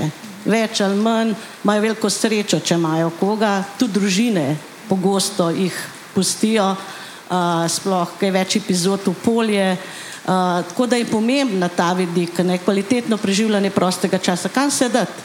Naši uporabniki so večina vsi um, brezposelni, nezmožni, so na socialni pomoči ali pa invalidsko upokojeni zaradi narave svojih bolezni. Uh, Dnevni center ima razne, razne aktivnosti, od delavnic, izletov, um, učenja jezikov, računalništva, ni da ni. Uh, potem pa imamo tudi program stanovanjskih skupin, ki bo tudi naša Nika, ki neposredno živi v njem, več povedala. To je pa tudi zanimiva oblika pomoči, um, ker ljudje ne morejo, velikrat ne morejo iz polja več domov, nimajo kam, nimajo koga. Uh, in mi kot nevladna organizacija imamo trenutno 42 ljudi v programu stanovanjskih skupin. Uh, ljudje tam preprosto živijo svoje vsakdanje življenje. Uh, seveda s pomočjo uh, strokovnih delavcev, naprimer naša stanovanjska skupina um, je, se izvaja v hiši, to se pravi v kraju Senožeti, pri, to je občina dol pri Ljubljani, ven iz Ljubljane, imamo pa tudi šest stanovanjskih enot v Ljubljani. Uh, ampak preprosto ljudje vsak dan živijo, mi skupaj, mislim, mi skrbimo tudi za terapijo, da ljudi jemljajo redno skupaj kuhamo, nabavljamo, eni zmorejo več, eni zmorejo ven. Pomembno je to, kar je tudi prej, kar že na kratko omenil. Ljudje, ki so v hudem, hudem stanju, naprimer v hudi depresiji, niso leni, ampak res ne zmorejo. že to, da ostanejo, se oblečajo za ne uspeh. Uh, in pri tem jih moramo mi pač spodbuditi, podpreti in pomagati. Včasih rabijo manj, včasih rabijo več, ampak važno je, da vejo, da tam nekoga imajo in, ta, in te programi funkcionirajo. Uh, Dej zadnje pet, uh, šest let imamo tudi zelo pomemben program zagovorništva za ljudi s težavnim duševnim zdravjem, ker velikrat ne znajo, ne zmorejo uveljaviti svojih pravic. Uh, in pač sodelujemo tudi s to brezplačno pravno pomočjo, ker sami pravnikov nimamo, ne? Ampak pomagamo ljudem, ker so velikrat tudi prikrajšani na tem področju. Uh, do svetovanj težko prideš, ali so pa psihoterapije zelo drage. Tako da v programu svetovalnice imamo in individualno svetovanje, in skupine za samo pomoč, in za svojce, ker so tudi svojci tle zraven pomemben deležnik. Uh, tako da dejansko probamo pokrivati vsa ta področja. No. In, in nam gre odlično, ker mislim, da se lansko leto, da je bilo čez 600 ljudi tekom leta vključeno v vse naše programe. To ni zanemarljiva številka. Imamo pač uh, te programe v Ljubljani in pa na enoti na Prevaljah, tudi na Prevaljah, na Koroškem, ker je bolj ta deficitarno področje, imamo dnevni center in pa stanovanjske skupine. Tako da pokrivamo krno, ampak še premalo. No, se to še premalo, ne? Da zdaj v zadnjem času sem tudi jaz naletela, že skozi pogovore, ki jih imam, da je problematika dostopnosti do pomoči zelo upešala, oziroma da je vedno več ljudi, ki to potrebuje. Pa zdaj govorimo o delu družbe, ki mogoče, zdaj bom tako, mogoče narobe rekla, ki funkcionira skozi svoje življenje, pa imajo izzive, to so lahko zdaj depresije, lahko gre za tesnobe, lahko gre za tudi kakšne izgorelosti in tako naprej. In imajo tukaj težave, pa tudi otroci, ne, da pridejo do kliničnih psihologov, ki jih je zelo malo. Um, zdaj pa mene zanima na področju bipolarnih motenj ali, ali pa šizofreniji, teh te, še težjih oblik v duševnem zdravju, a se na tem področju tudi širi, je tudi vedno več te problematike? Ali... Ja, mi mislimo, da ne vem, ali se širi ali je pa zdaj bolj, uh, se bolj ve, zato se več pogovarja. Definitivno so pa stiske po tej epidemiji bolj izrazite. Uh, to pa opažamo zdaj po, po dobrem letu, ker se je vse kar tako normaliziralo, ker tudi vmes so bili naši programi, razen nastanitvenih zaprti, a ne niso ljudje imeli kam. Dnevni center je bil zaprt, svetovalnica je bila zaprta, uh, samo uh, stanovanjske skupine, pač mi smo delali skozi, ker ljudje tam živijo. Ne. Ja, potem smo imeli hibridne oblike zumov in podobno, ampak ljudje s težavami duševnega zdravja rabijo osebni stik, rabijo oseben kontakt, rabijo podporo uh, osebno. Ne. Tako da, kar se pa tiče te dostopnosti, je pa to čez dalje bolj izrazit problem, mogoče v večjih krajih ne toliko tlele je vsega, mislim, v Ljubljani je dost pokrito. Ne. Problem so zdaj te um, področja, naprimer mi pokažemo to Zagorje, Trbovlitija, to, to smer, kam mi gremo, pa tudi druga, Gorenska, kolikor je malo omaknjeno, prvič ljudje nimajo niti denarja, niti možnosti, uh, tudi stigma je še večja uh, v vaškem okolju, tako da mi se nagibamo k tej kakšni obliki, da ti prideš k ljudem, ne ljudje k tebi, ne kakšnim mobilnim enotam. To je naša vizija, da ti prideš do ljudi, ki to rabijo. To, to je nekako za nas zdaj zelo pomembno. No. No, tukaj ta, ta del stigme, ne, uh, ki mogoče kakšne stvari v mestih, ja, že, smo mogoče malo. Mal več se o teh stvarih pogovarjamo, sploh ko gre za kakšne izgorelosti, depresije in tako naprej. Uh, verjamem, da na vseh, pa ker je skupnost še taka, da se hitreje opazi soseda, kot naprimer v kakšnih večjih mestih, a ne, ker nismo tako uh, sosedsko povezani, ni tega občutka, da te nekdo skozi opazuje, da moraš to paziti. Uh, in je ful pomembno, da odpiramo te teme in da se o teh stvarih pogovarjamo. Tako da eden od uh, oseb, ki na tem področju zelo veliko naredi, na tem je tudi, si tudi ti. Ne? Uh, svojim pisanjem? Ja, se trudim. Ne? Jaz sem že takoj v bistvu na začetku te bipolarne poti se odločil, da bom pač odkrito o tem govoril. Sem napisal 2010 eno knjigo Manični poet, ki je bila malo amaterska, kot zdaj gledam, no, ampak ljudje jo hvalijo, še zdaj jo iščejo, kljub temu, da je razprodana. Um, in jaz sem že takrat rekel, da bom, če me bo kdo kaj vprašal, bom pač odkrito povedal, kako je. In še danes, ko sem dam kakšen intervju ali pa je kakšen članek o tem, pač povem tako, kot je. Mislim, nimam kaj za skrivati, upam, da s tem komu pomagam. No? Um, ker dejansko se mora čim več govoriti o tem, no? samo tako se lahko kaj spremeni. Ne? Jaz bi sam tle dodala eno tako zgodbo, navežem na Jakata. Ja. Uh, mi uh, imamo stanovanjsko skupino na vasi.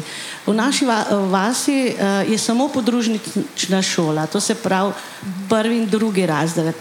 Uh, mi preprosto probamo to stigmo, ne moreš tam kar po vasi govoriti, ampak mi smo začeli vabiti. Um, te otroke k nam v hišo. Ne? In pred, govorim pred korono, zdaj se je to malo. Preprosta stvar. Za božička smo povabili te otroke, smo jim spekli piškote, naredili darilca in smo te majhne otroke, dva učiteljca, povabili na obisk v našo hišo. Super je bilo, radovedno vse. Ampak čez približno teden dni v naši majhni lokalni trgovini, a ne kaj hodimo mi nabavljati, je bila tam v trgovini na punčka in je rekla: Mami, poglej, tale teta je pa zunaj hiše, ki so tako prijazni. Tako da, ja, to je to. No. Otroci vzgajajo starše. No, to smo imeli včeraj, ko smo se tukaj pogovarjali. Je bil moj sogovornik Alen Kobilica in je razlagal, kako on svojega uh, skoraj tri leta starega otroka, tri leta bi bili star otroka vzgaja o tem, da očeta, ki je slep, kako, kako dojema to ne? in se igrata v temi, da tudi on razvija druga čutila, kljub temu, da vidi in tako naprej. Da, bo, ne, da, se, da se nauči konec koncev tudi pristopati in pogovarjati z ljudmi, ki jih bo srečeval skozi življenje na drugačen način, kot mogoče drugi, ki imamo vedno občutek, da bomo rajš ali, ali ne bi, kako pristopati in tako naprej. Um, Jaka, ti si eno, to sem te hotela vprašati, ker si omenil pisanje. Um, za druge, pa da drugim poveš, pa da kaj komu pomagaš s tem, kar tudi ti deliš svojo zgodbo. Mene pa zanima, koliko je pa te pomagalo to, da si o teh stvarih pisal, pa da pišeš. Ja, predvsej, ker v bistvu s tem, ko odpiram te zgodbe, recimo zdaj za novo knjigo o bipolarni motni, sem predvsej podoživljal te dogodke, ne, manične epizode, depresije malo manj, ker se jih bolj malo spomnim, no, ampak kot se jih sem probo opisati. Ampak te manične zadeve sem odprl, ker so zdaj že kar nekaj časa zaprte. Ne? In sem spet mogel iti čez to. Ne? In je bilo kar terapevtsko, moram reči. Ne? Tudi na psihoterapiji sem se pa več o tem pogovarjal. Tako, um, tako da, ja, za me je bilo to pisanje terapija in vsak taka zadeva, kot je danes, vse to je za me terapija. Vsak intervju, vsak članek, ki napišem, vsak post na blogu. To je vse za me neko kopanje po sebi in hkrati čiščenje. Ne? Prej si omenil to lestvico, ki jo imaš od 1 do 10, pa da živiš med 4 in 6. Kaj pa so je to kar žalostno, tako se sliši. Ja, ne, mislim, a veš, tako, ko sem to prebrala, sem si mislila, pa se, po mojem, vsak od nas neko tako lestvico mora imeti, ampak je to zdaj spet neka taka prepotentna stvar, ker meni mogoče to lažje postavljati, pa handlati, ker naprimer nimam takega izziva, kot ga imaš ja, ti. Recimo lestvica 4 do 6, 6 pomeni, da ne vem, ko Oskar kaj tazga naredi, ko bi se načeloma mogel ful razveseliti, ne, se mogoče ne to, kot bi se sicer, ne, ker je, ne vem, neka zadeva, ki bi mogla biti uh, žalost. Vem, recimo, primer, dve leti nazaj je umrl oče in ni bilo neke, je bila tista hipna žalost, ko sem zvedel, ampak um, ni pa bilo neke take žalosti, ki sem jo poznal prej. Ne? Tako da zdaj so vsa ta, um, se pravi, vsa ta občutja so malo mal, mal so krila porezana, no? tako mislim krila.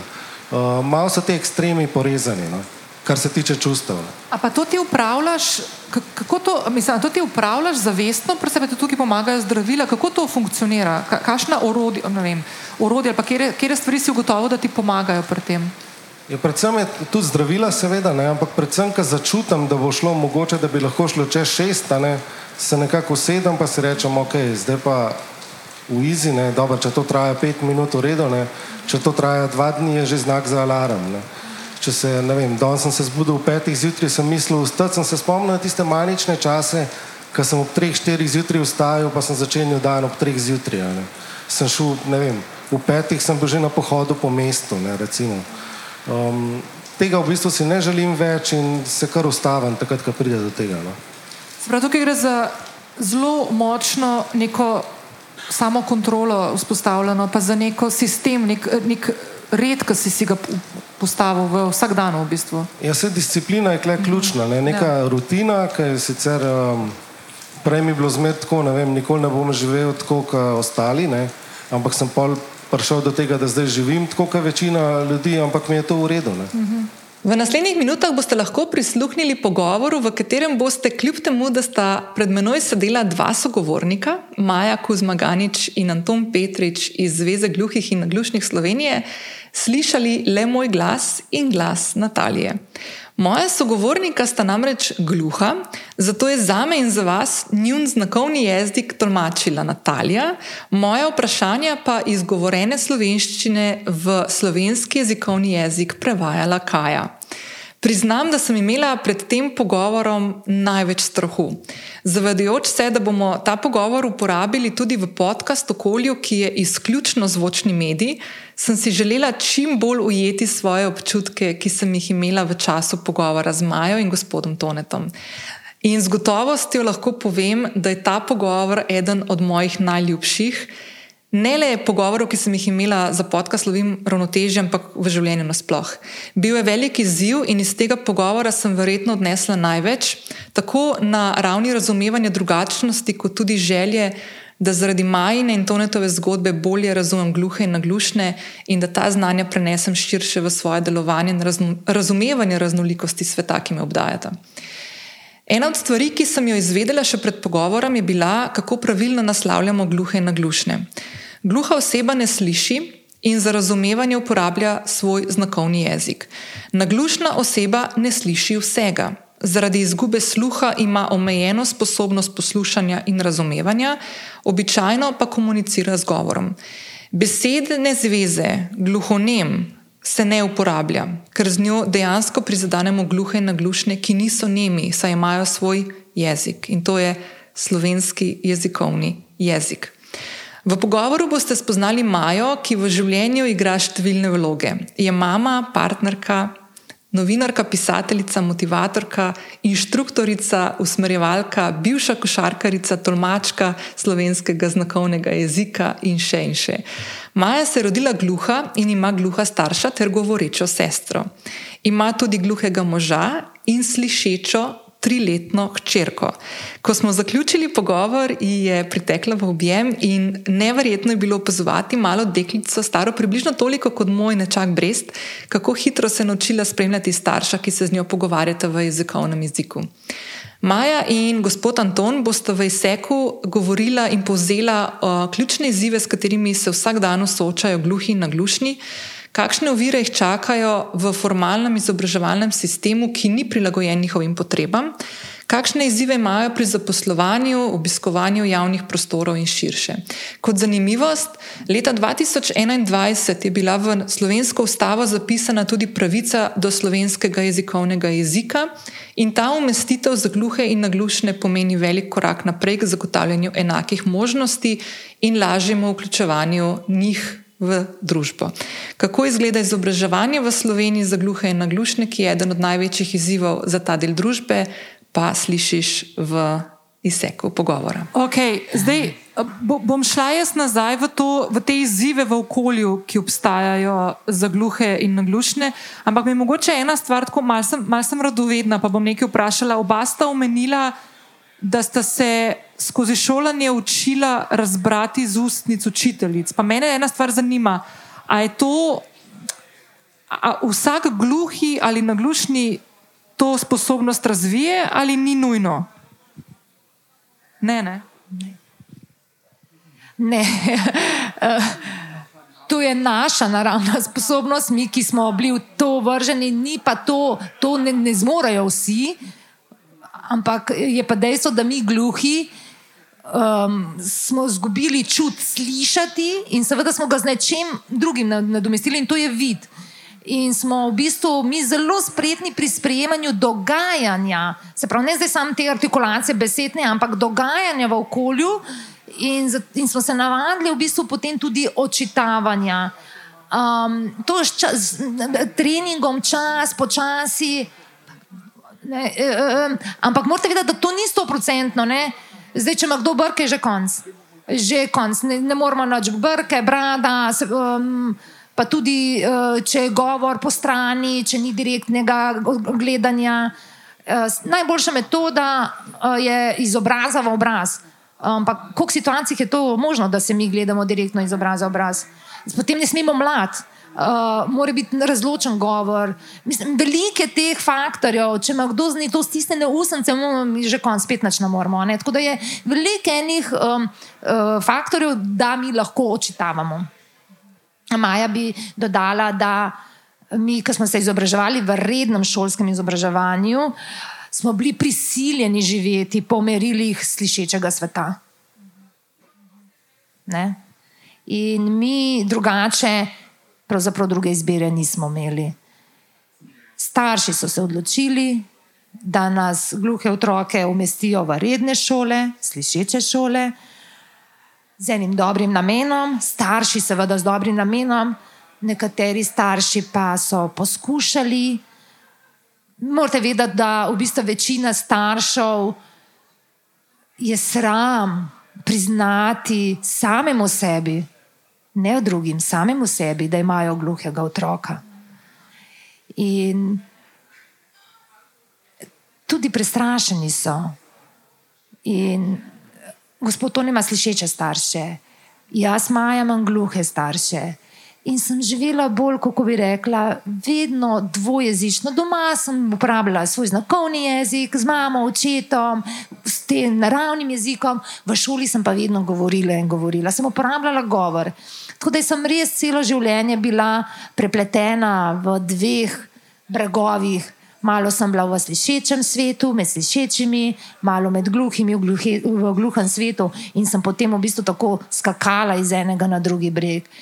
Medtem ko morda že eno stvar, no, uh, to ne bi še rad dodal, da dolga leta smo bili na nasprotnih bregovih, medicina in pa mi, gluha skupnost.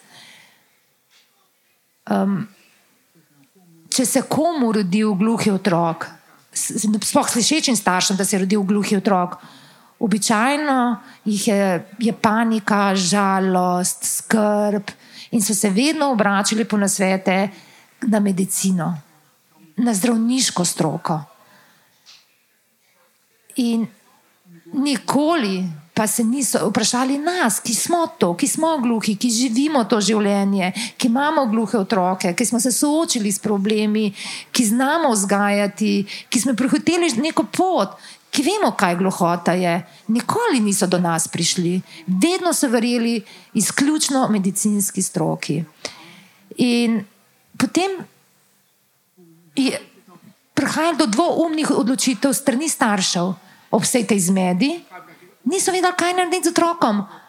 Ali ga naj preprosto dajo v redno šolo, pa ga naj preizkušajo, kako se bo tam znašel, ali bo preživel ali ne bo preživel.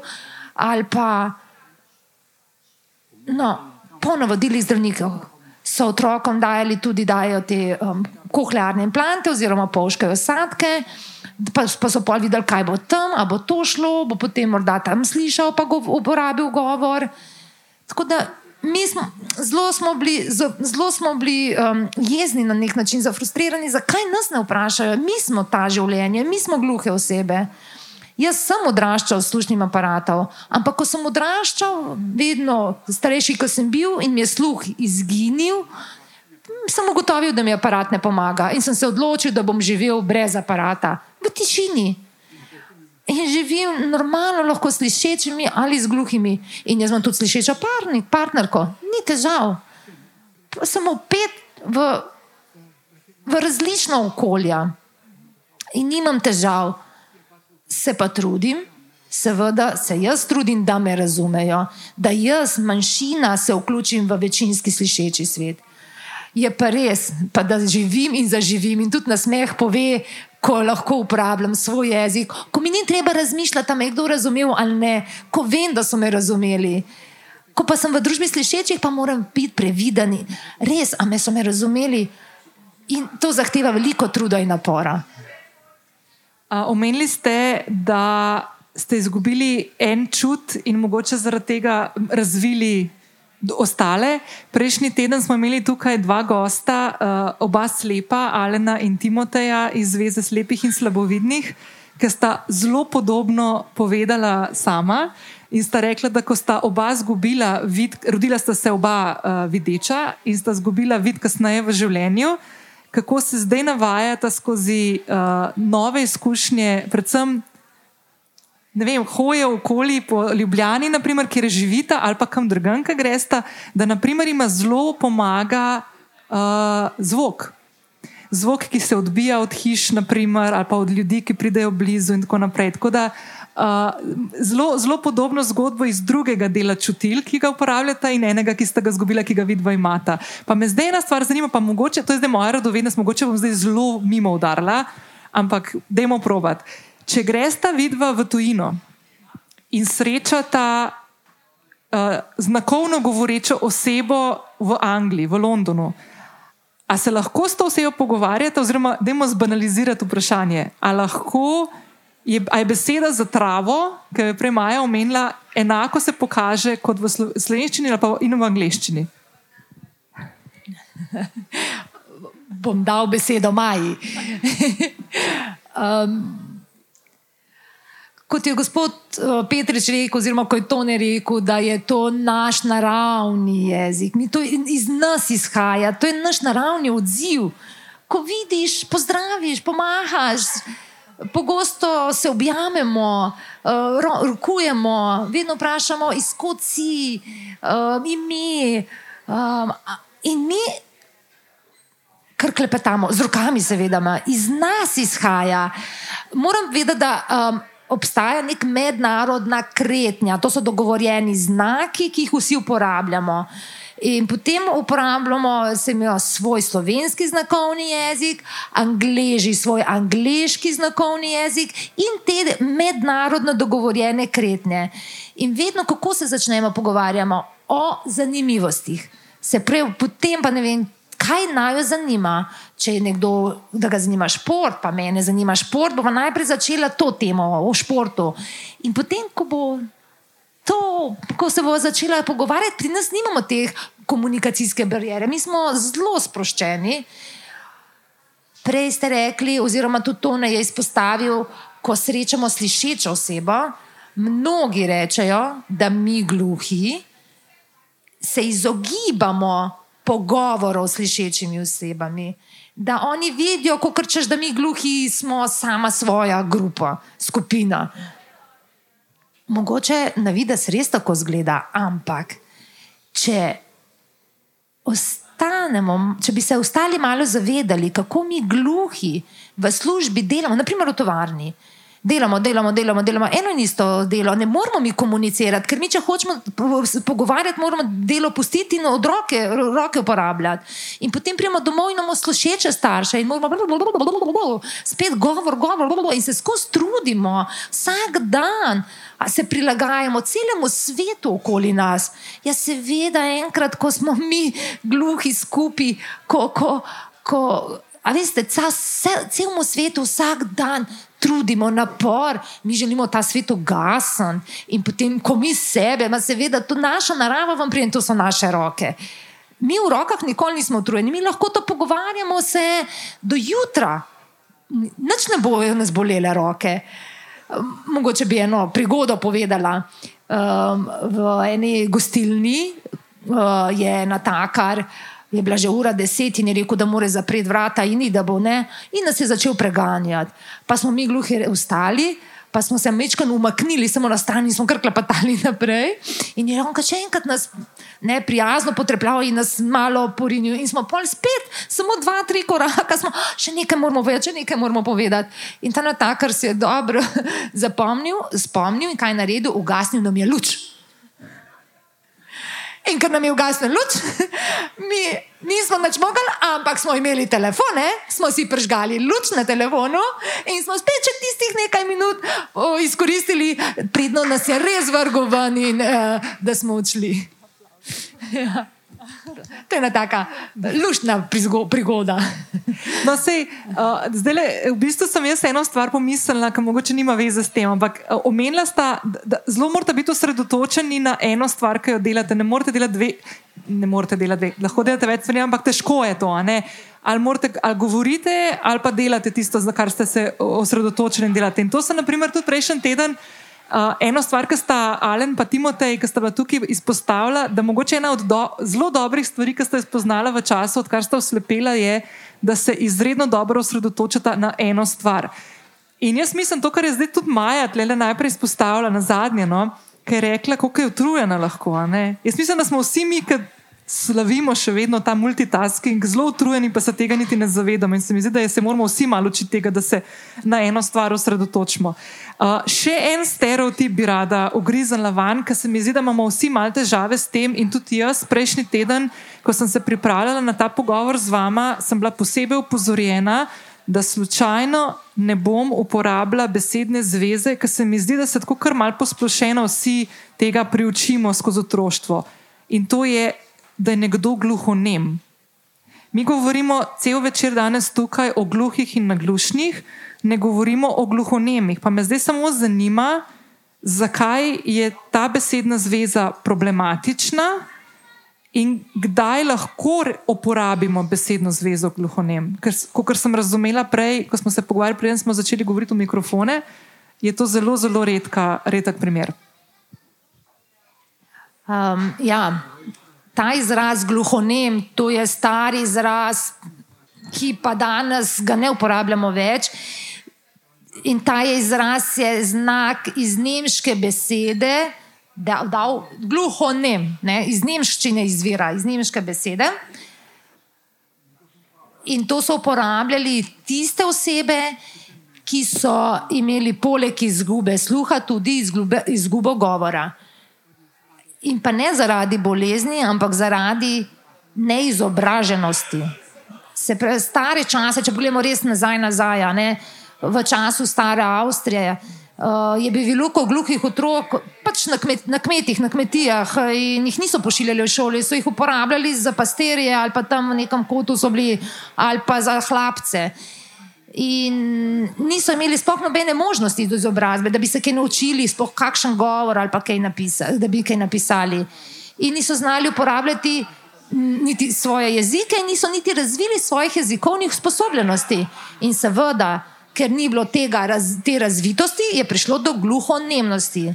Mi pa gluhi smo izobraženi, mi znamo govoriti, mi znamo, na- mi, znamo, mi tudi mislim, govorimo, artikuliramo besede, ne samo v znakovnem jeziku, uh, pišemo um, in vse te stvari. Res pa je, kot ste rekli, a ne.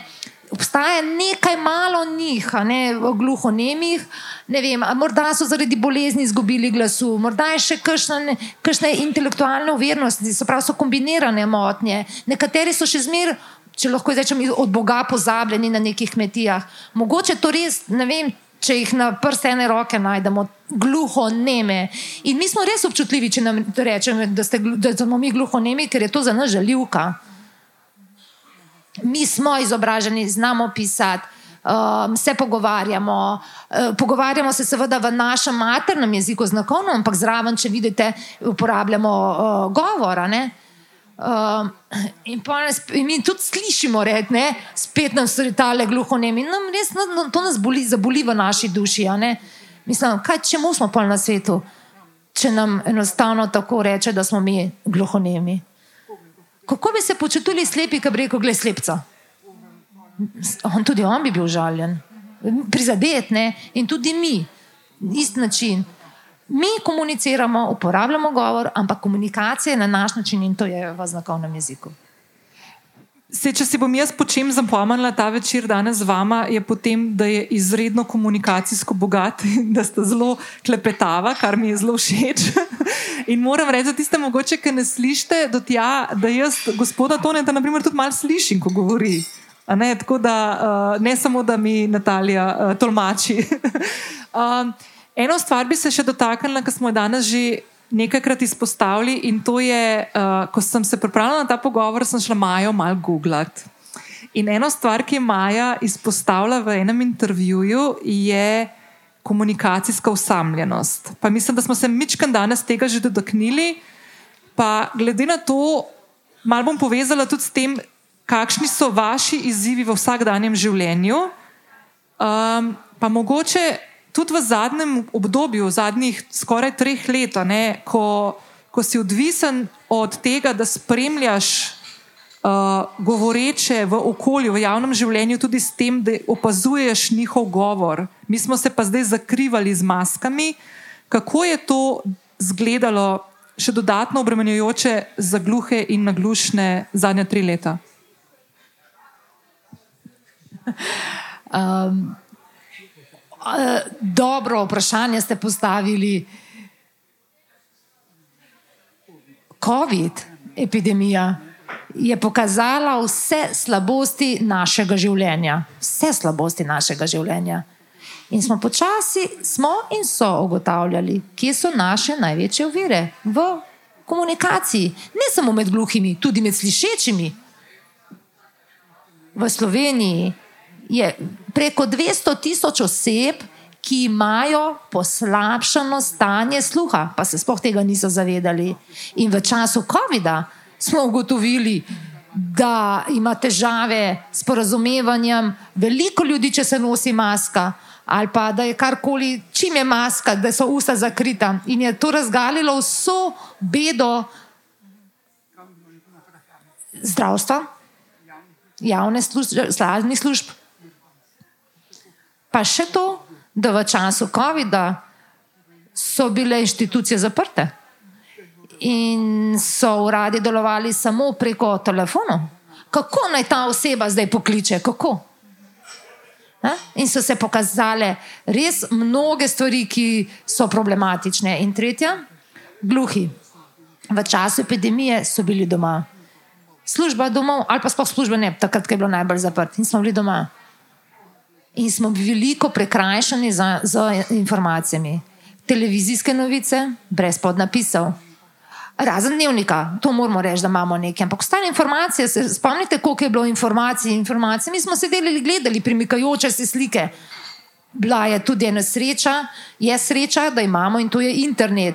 In smo iz interneta lahko razbrali, pa malo iz okolice, kaj se dogaja. Vi ste lahko televizijo cel dan imeli prežgano, pa ste gledali različne oddaje, premikali iz programa v programa, kaj drugega delali, pa poslušali televizijo, mi pa ne mi pa mogli se kvečmo sest in gledati. In hvala COVID-u, da je zbudil celo skupnost in da je naša država uh, naredila nekaj dobro, tudi za nas, osebe z okvaro sluha, ker so se začeli ugotavljati te anomalije. In v tistem času je vlada imela res veliko razumevanje in je razumela, da mi potrebujemo komunikacijo brez mask, in je za nas dala poseben uh, odredbo.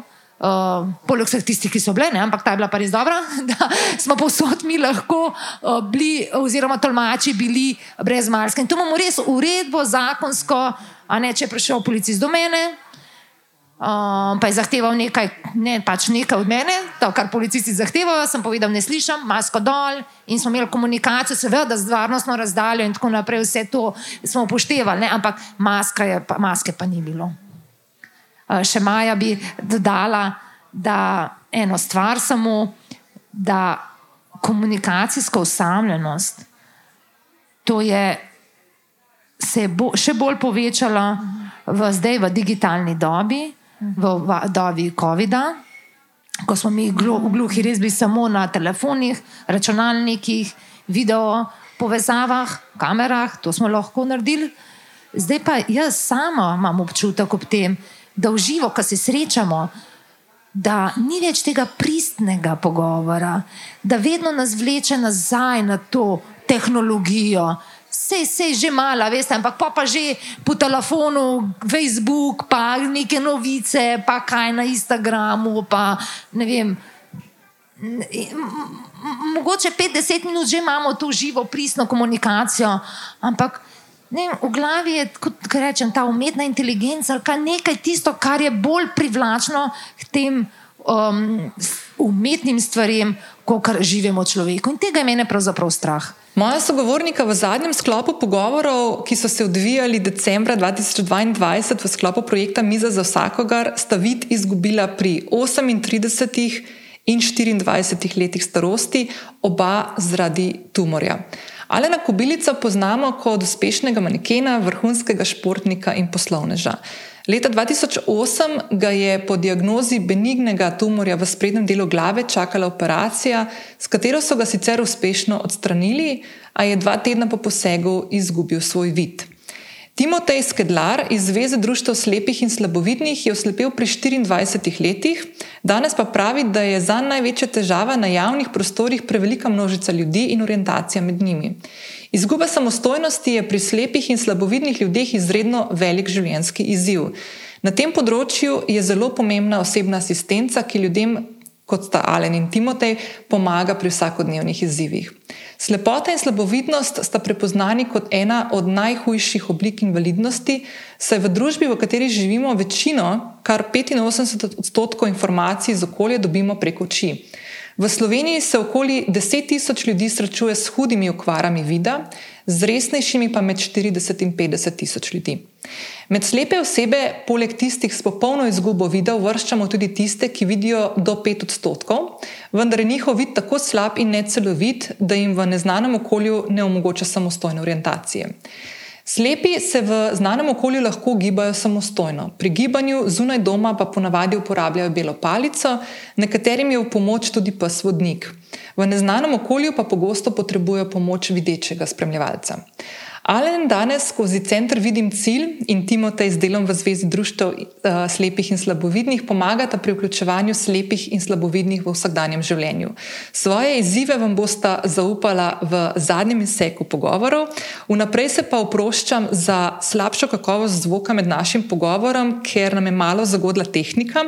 Verjamem pa, da vas bo neizmerna radost uh, do življenja in humor, ki ga bosta Alen in Timotej prepletala v svoje pripovedovanje potegnila in boste prisluhnili njunim besedam, s katerimi boste odprla prostor do njunih vsakodnevnih izzivov.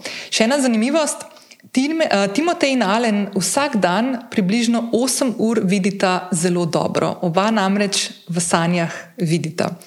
V pogovoru boste lahko slišali tudi, zakaj nekateri slepi posamezniki uporabljajo palico, drugi pa ne in kdaj jim ta pride prav. Eno stvar, ki si omenil, je, da To mi je zelo pomembno. No? Mogoče tudi tako, da se mi kot družba naučimo pristopiti in pogovarjati uh, z ljudmi, kot ste videli. Naprimer, da imaš tega občutka. Jaz sem zdaj konstantno malo občutek, uh, da bo šlo stvar na robe rekla. Ne? Zdaj, kako, naprimer, ti si mi, Alan, povedal eno zelo lepo stvar, kako ti, naprimer, svojega sinčka, ki zdaj sta dve pa pol? Nam je bil dve leti. Dve leti.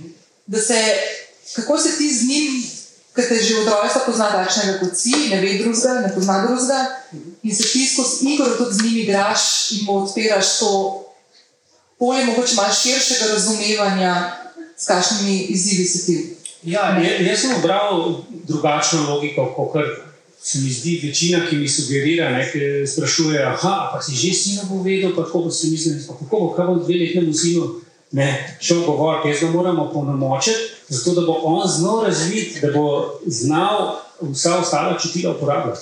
In mi dva delamo to skozi igro. Ne, uh, ne vem, uh, če so tako, da hodva po stanovanju se dotikava vem, njegovih igrač, ne, mizice in tako naprej, in pa ugasnemo luč zvečer. Ne.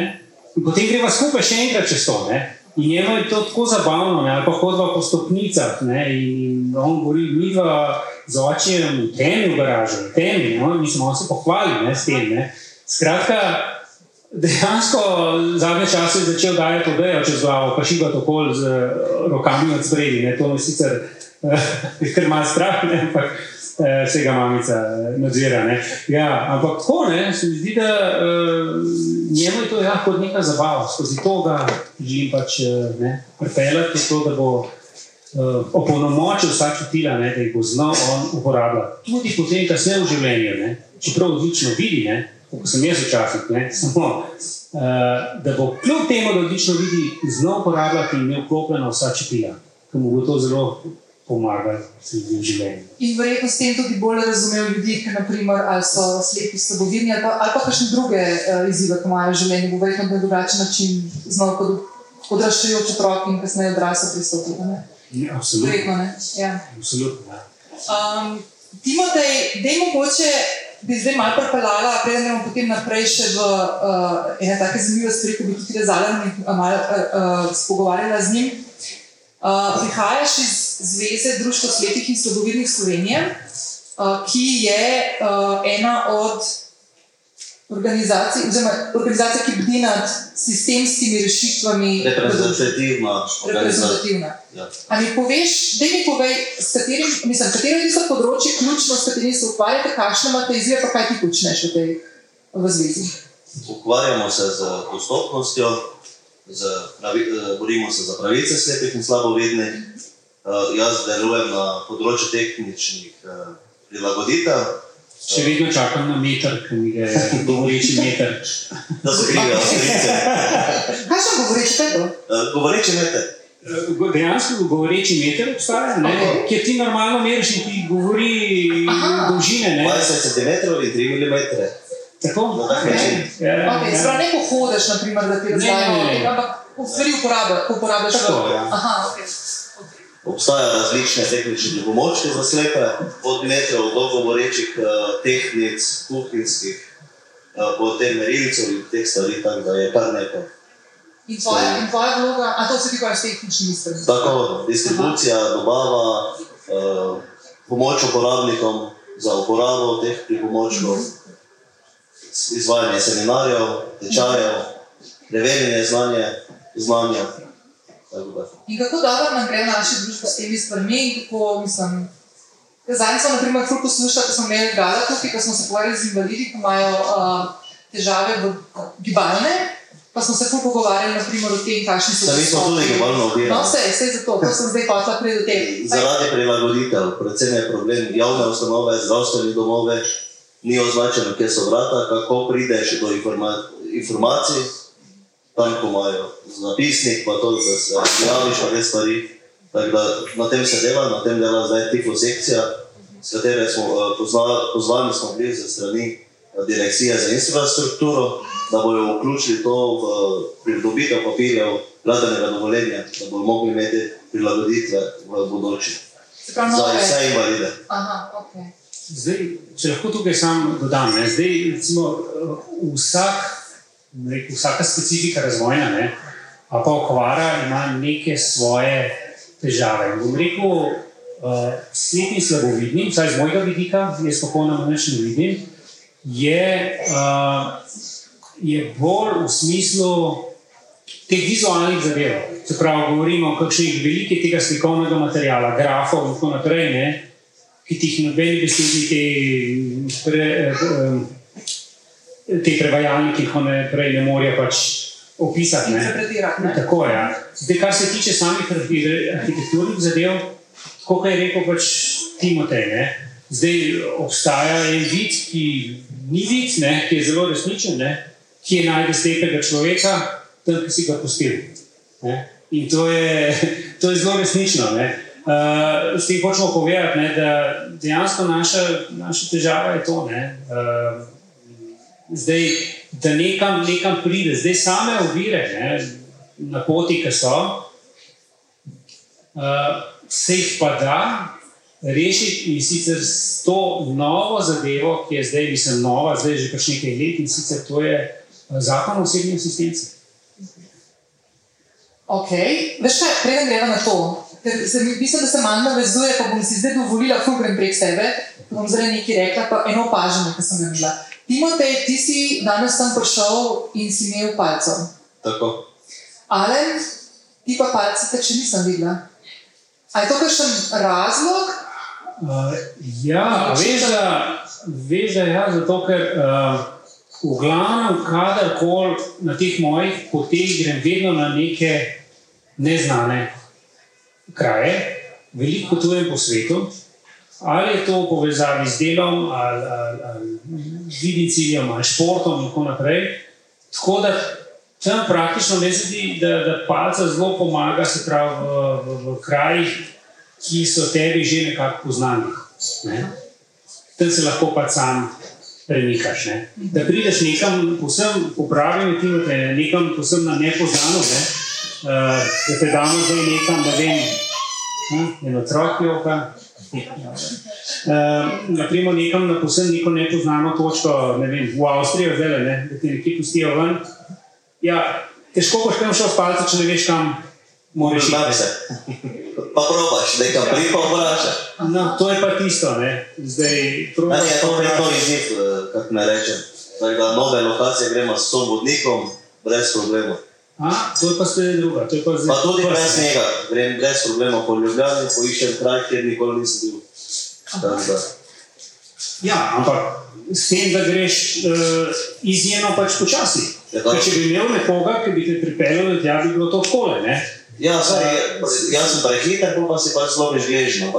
No, se to, o tem govorim. Ne? Zdaj se pravi, dejansko ti nekako na nek način investiraš. Ne? Če, palce je drugače super zadeva, ampak jaz, jaz dejansko zdaj tečem skozi življenje. No? V tem obdobju in enostavno bi mi bila bolj na nek način ovira. Bom rekel, da sem bolj, ne vem, proaktiven ali pa, ja, proaktiven človek, ki ne vidi. No?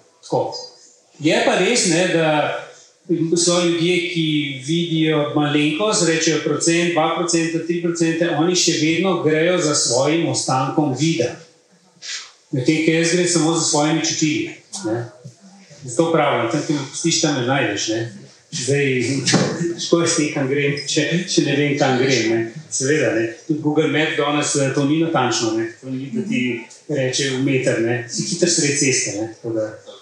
Ja, drugače gledamo, ne se to je zdaj bolj zanimivo, ker v bistvu to, kar se zdaj pogovarjamo, čisto drug koncept, da je tudi konc konca aplikacije, ki jih jaz uporabljam na konc, ne, ker lahko meni zelo dobro služijo za to tudi, ker malo da vidim, ne, in vem, en, en meter pri meni, ali pa če ne bo en meter panike, ne. Tako, pri meni je to lahko graben, ne. Ja, ja. Jaz zato še uporabljam aplikacijo Lazarilo, ki govori, kje so ulice, kdaj je križišče, tisto bolj natančno. Aha, to imaš na telefonu, pa ja, dodatno. Eh, skupaj pač uporabljam. A se lahko skupaj, a, čakaj, ampak se lahko skupaj z Ja. Google Maps odpre? Se pravi, sočasno obe aplikaciji tečeta. Aha, zanimivo. No, ampak zdaj, ali ti si omenil tu um, uh, zakon o osebni asistenci? Ker mi, ko smo se pogovarjali, ena od stvari, ki je meni tudi vedno fajn, ne, da vedno, ko se tako pogovarjamo o določenih izzivih, kot družbe, ponavadi gremo v tiste stvari, ki niso porihtane. Ampak obstajajo pa tudi določene stvari na tem področju, na vsakem področju, ki pa so urejene, ki so dobre, ki delujejo, ki vam so vam v pomoč. Um, in se ti izpostavil zakon o osebni asistenci. Jaz vedno rad v življenju pohvalim dobre stvari, dobre projekte. Uh, ne, in to zagotovo je eden. Kam bo šlo, kje je smer, ne, to še ne vemo, ampak zaenkrat je, je to odlično. Zakaj v mojem primeru? Ne? Sem rekel, jaz sem zelo proaktiven in uh, kaj meni osebna asistenca, recimo, uh, pomeni. Ne? Jaz pridem hitro od točke A do točke B, ali na bilo pelje, ali mi pomagajo pri razpravljanju, pri, pri kuhanju, ali v poslu mi hitro razložijo, kaj na slikah, grafi in tako naprej, ne, dokumentacija in tako. En kup enih stvari, ki jih do zdaj nisem mogel pač početi. Da ne govorim o tem, da grem lahko ne vem, teč, gost eh, kamorkoli pač ne. Zato, zato tudi pravim, ne, v tem trenutku osebno asistenco ovira arhitekturna ni več tak problem. Vsi mi, ker ne vidimo, mi lahko vse prestopimo, preskočimo ali pa preplezamo. Ne. Ampak, če ne veš, kam iti, nimaš kaj ne, prestopiti. Ker te pa nekdo prepelje nekam, ne pa reče, da je tukaj gor, tukaj. Skratka, hočem povedati, da ta osebna asistenca je, je res naredila veliko spremembo. Ne. Uh, sploh zato bom rekel, zato, ker si ti tisti, ki se odločaš, koga bi lahko, koga bi želel imeti kot osebnega asistenta. Seveda, on mora upraviti tisto pač neko usposabljanje, ne? ampak ti si tisti, ki se pač odloči. Ne, ne tisto, da ti država da nekoga. Ne? Kot je že dostakrat poznano, različnih, aha, da je to sistemsko rešili, zdaj so pa tle ljudje, zdaj pa ti so na voljo, aha, mi smo rešili, to pa to nezaposlenih, ni več, ne, so zaposleni, ampak jaz se nimam z njim kaj pomagati, ne, ker ne vem, bom rekel banalno, ne, zato ker ne more to hitro težko, ker bi jaz uh, hotel, ne, ali pa te moje zadeve v podjetju ne razume, kot bi jaz, ali pa ne, ne čutim se varno, da me vozi in tako naprej. Ne. Tako da to so ljudje, ki jim jaz zaupam. To je zelo pomembno. Ne. No, to se ja. ne hoče v bistvu reči, ne, da ko prvo poslušaš, pa rečeš, da je Alen ima asistenta človeka, na katerega se lahko zanese, ampak Alen ima en kup enih blokov življenja, ki jih igra. Je vrhunski športnik, je poslovnež, uh, je aktiven in tako naprej. Se pravi, zdaj enkrat zelo dobro teče, tudi hitro teče, super plava tudi. Ne? Potem mora biti dober v poslu, mora razumeti tabelice, mora znati to. Pravi, ampak se mi ti lepo razloži, da imaš več ljudi, na katere se lahko nasloniš, že ni to samo eden. Seveda, mi, že konkretno, ne imam toliko, kot bi si želel, ne osebne asistence, ampak tisto malo, kot jih imam, razdelim med več. Ljudi. Se pravi, da vsak košček dobi, ne, ne zato, da enega imam, ki gre skozi vse zadeve, ne, Zato, ker nažalost tisti, ki zelo dobro pomaga pri kuhinji, ne reče, ima pojma v poslu, ali pa da ne govorim, da ne, tu teče ali pa na kolo, ali pa plavati, ne, ne znam. Ne. Skratka, ja, tako da uh, tukaj, ja, tukaj smo specifični. Nekdo ne rabi takih, ne, jaz konkretno pač rabim. Ne. Zato, da jaz lahko živim polnovredno življenje, se vsaj približa tistemu, kar sem počel prej. Ne? Ker to je bistvo osebne asistence, ne? da mi jo polnomoči, da jaz lahko pač eh, živim. Uh, ampak s tem, da se to omogoča, ne? sem jaz lahko toliko bolj produktiven. Zato, ker recimo, zim, v podjetju, recimo, ne, so dolegi naši ljudje, pipa, jaz hodim po svetu. Ne, z nekom na sestanke in zaradi tega, ker hodim, imamo lahko več naročil in zaradi tega zaposlujem več ljudi. Ne. Na koncu ima država Ne, če tako gledamo, več od tega, ne, kar, ne, uh, ja, skratka, se, se je razumljivo, kaj se hoče uh, povedati. Ivo, da imaš ti tudi, uh, imaš tudi ti kakšnega asistenta? Ja, imamo osebnega asistenta. Aha.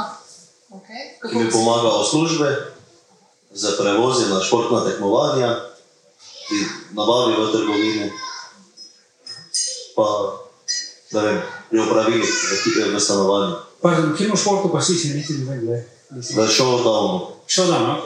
Tako, reprezentance. Čak, stari, sem to vprašal, kaj to pomeni. To je ping-pong za slepe, to je kombinacija ping-ponga pa je Tokio. O, oh, wow, ok. Hudo. To je žogica velikosti biljard kugle, Aha. pa na vsaki strani je gol, 30 metrov premjera, po kroga. Dobro. Što pa še nisem? A je to, a ste, ne, ne, dobro, ste v super. Jaz sem ga igral. A si, eno tekst. Ampak ni paralimpični šport, pa še nisem dobro tega. Um, so pa svetovna, pa evropska prvenstva, tako da zdaj gremo na evropsko prvenstvo naslednji teden v Pariz. A zato imaš dopust? Tako. okay. um, veš, kaj sem vam hotel vprašati? Tlele mi um, sedimo za tole mizo, pa jaz vidim mizo za vsakoga, tlele vidim tudi, da so označbe, ki jih lahko vidva preberete z dotikom. Ali na titu, a znate to brati? Uh, če lahko jaz, ki vam začnem, uh, Brajica, ja. nekaj govoriš o Brajici. Ja. Jaz Brajice ne znam, se nisem niti učil. No, zato, ja. Zaradi tega, ker uh, nisem šel skozi proces šolanja, skozi no. proces šolanja v zavodu, s tem sem govoril mladino, zdaj, oziroma zdajšnji Iris, te učijo te zadeve. Ker se meni to zgodi tako pozno, uh, je pa tehnologija tudi tako naprej že šla, ne, da enostavno jaz uporabljam vse zadeve, moj smartphone, moj iPhone, uh, s katerim sem globalno povezan. Uh, pišem maile, SMS-e, uh, kličem, imam Facebook, imam Instagram, uh, vse aplikacije, ki jih imajo tudi vsi ostali. Uh, lajkam, šeram, tegam, lahko te unlikam, če mi nič že. No, skratka, uh, ja, uporabljam za, za, za vse, za vse so, skratka, globalno sem povezan s to, to napravo. Ampak koncept je čisto enostaven. Uh, to, je, to ni aplikacija, ampak to je že v settingih znotraj telefona. To pomeni, da imam enkrat setting general accessibility voiceover. Ko vklopim voiceover, je vse tisto, kar vi vidite, jaz slišim. In to je bistvo. Ne? In potem z raznimi gestami potujem po ekranu, pišem, dajem emocije, emotikone, smiley in tako naprej. Mm, tako da ja, uh, zato jaz nisem, hm, ne vem, kako bo to slišal, nisem čutil potrebe, da bi se šel to učiti. Nisem videl nekako mogoče dodane vrednosti do sedaj. No? Ja. Ne, se, se to je v bistvu dobra stvar, na katero sploh nisem pomislila, da če se tebi taka stvar zgodi kasneje v življenju, slepota, naprimer, nisi šel skozi cel postopek izobraževalnega sistema, kjer se pač učijo otroci tudi uh, brejlove pisave. Kaj se pa zgodi? To, no, super, imamo zdaj take stvari, pa zvočne knjige, naprimer, to sem zdaj videl tudi pri nas, kar gre, imate už vedeti. Ja. Jaz pa uh, sem se naučil brati, ampak je res, da se je teže naučiti, če, ne, uh, če kasneje se učiš. Bolj sta, uh, starejši si teže se živčni končiči razvijajo na prsti, da občutiš pikic, te pravi pike. Najlepša hvala vsem, ki ste ostali z mano do konca. Jaz bom še enkrat povzela to, kar sem povedala na začetku, da je projekt Miza za vsakogar, ki so ga oblikovali v podjetju Mastercard Slovenije, eden od mojih ljubših projektov, na katerih sem imela priložnost sodelovati.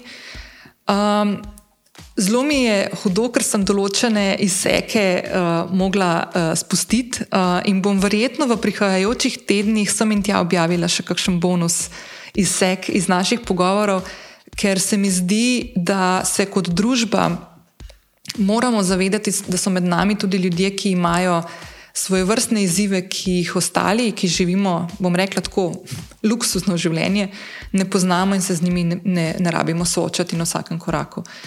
Um, neizmerno hvaležna sem vsem, ki so sodelovali na tem projektu, ki so mi zaupali to priložnost, da lahko z njimi poklepetam. Uh, res hvala Galu in Mojci, Klaudiji in Davidu, Liji in Petri, Jaki in Amaliji, Maji in Antonu in Alenu in Timotaju, ki so mi zaupali, da sem klepetala z njimi, da sem lahko skozi naše pogovore premikala svoje meje udobja uh, in se naučila, kako pravilno uh, pristopiti do uh, invalida, do osebe, ki ima drugačno življenje od mojega, in kako pravilno naslavljati določene invalidnosti. Uh, kot sem povedala na začetku, lahko v zapisu epizode, ki vas že čaka na moji spletni strani, najdete vse, vse povezave do organizacij, ki so bile danes predstavljene v teh izsekih. Um, med drugim lahko uh, najdete tudi uh, priročnik za bolj prijazno in vključujoče življenje, ki so ga pripravili v sklopu projekta Mizo za vsakogar v obliki PDF dokumenta. Vse uh, zgodbe, ki so se danes pojavile v, v epizodi, lahko uh, spoznate tudi tam, uh, predvsem z vidika.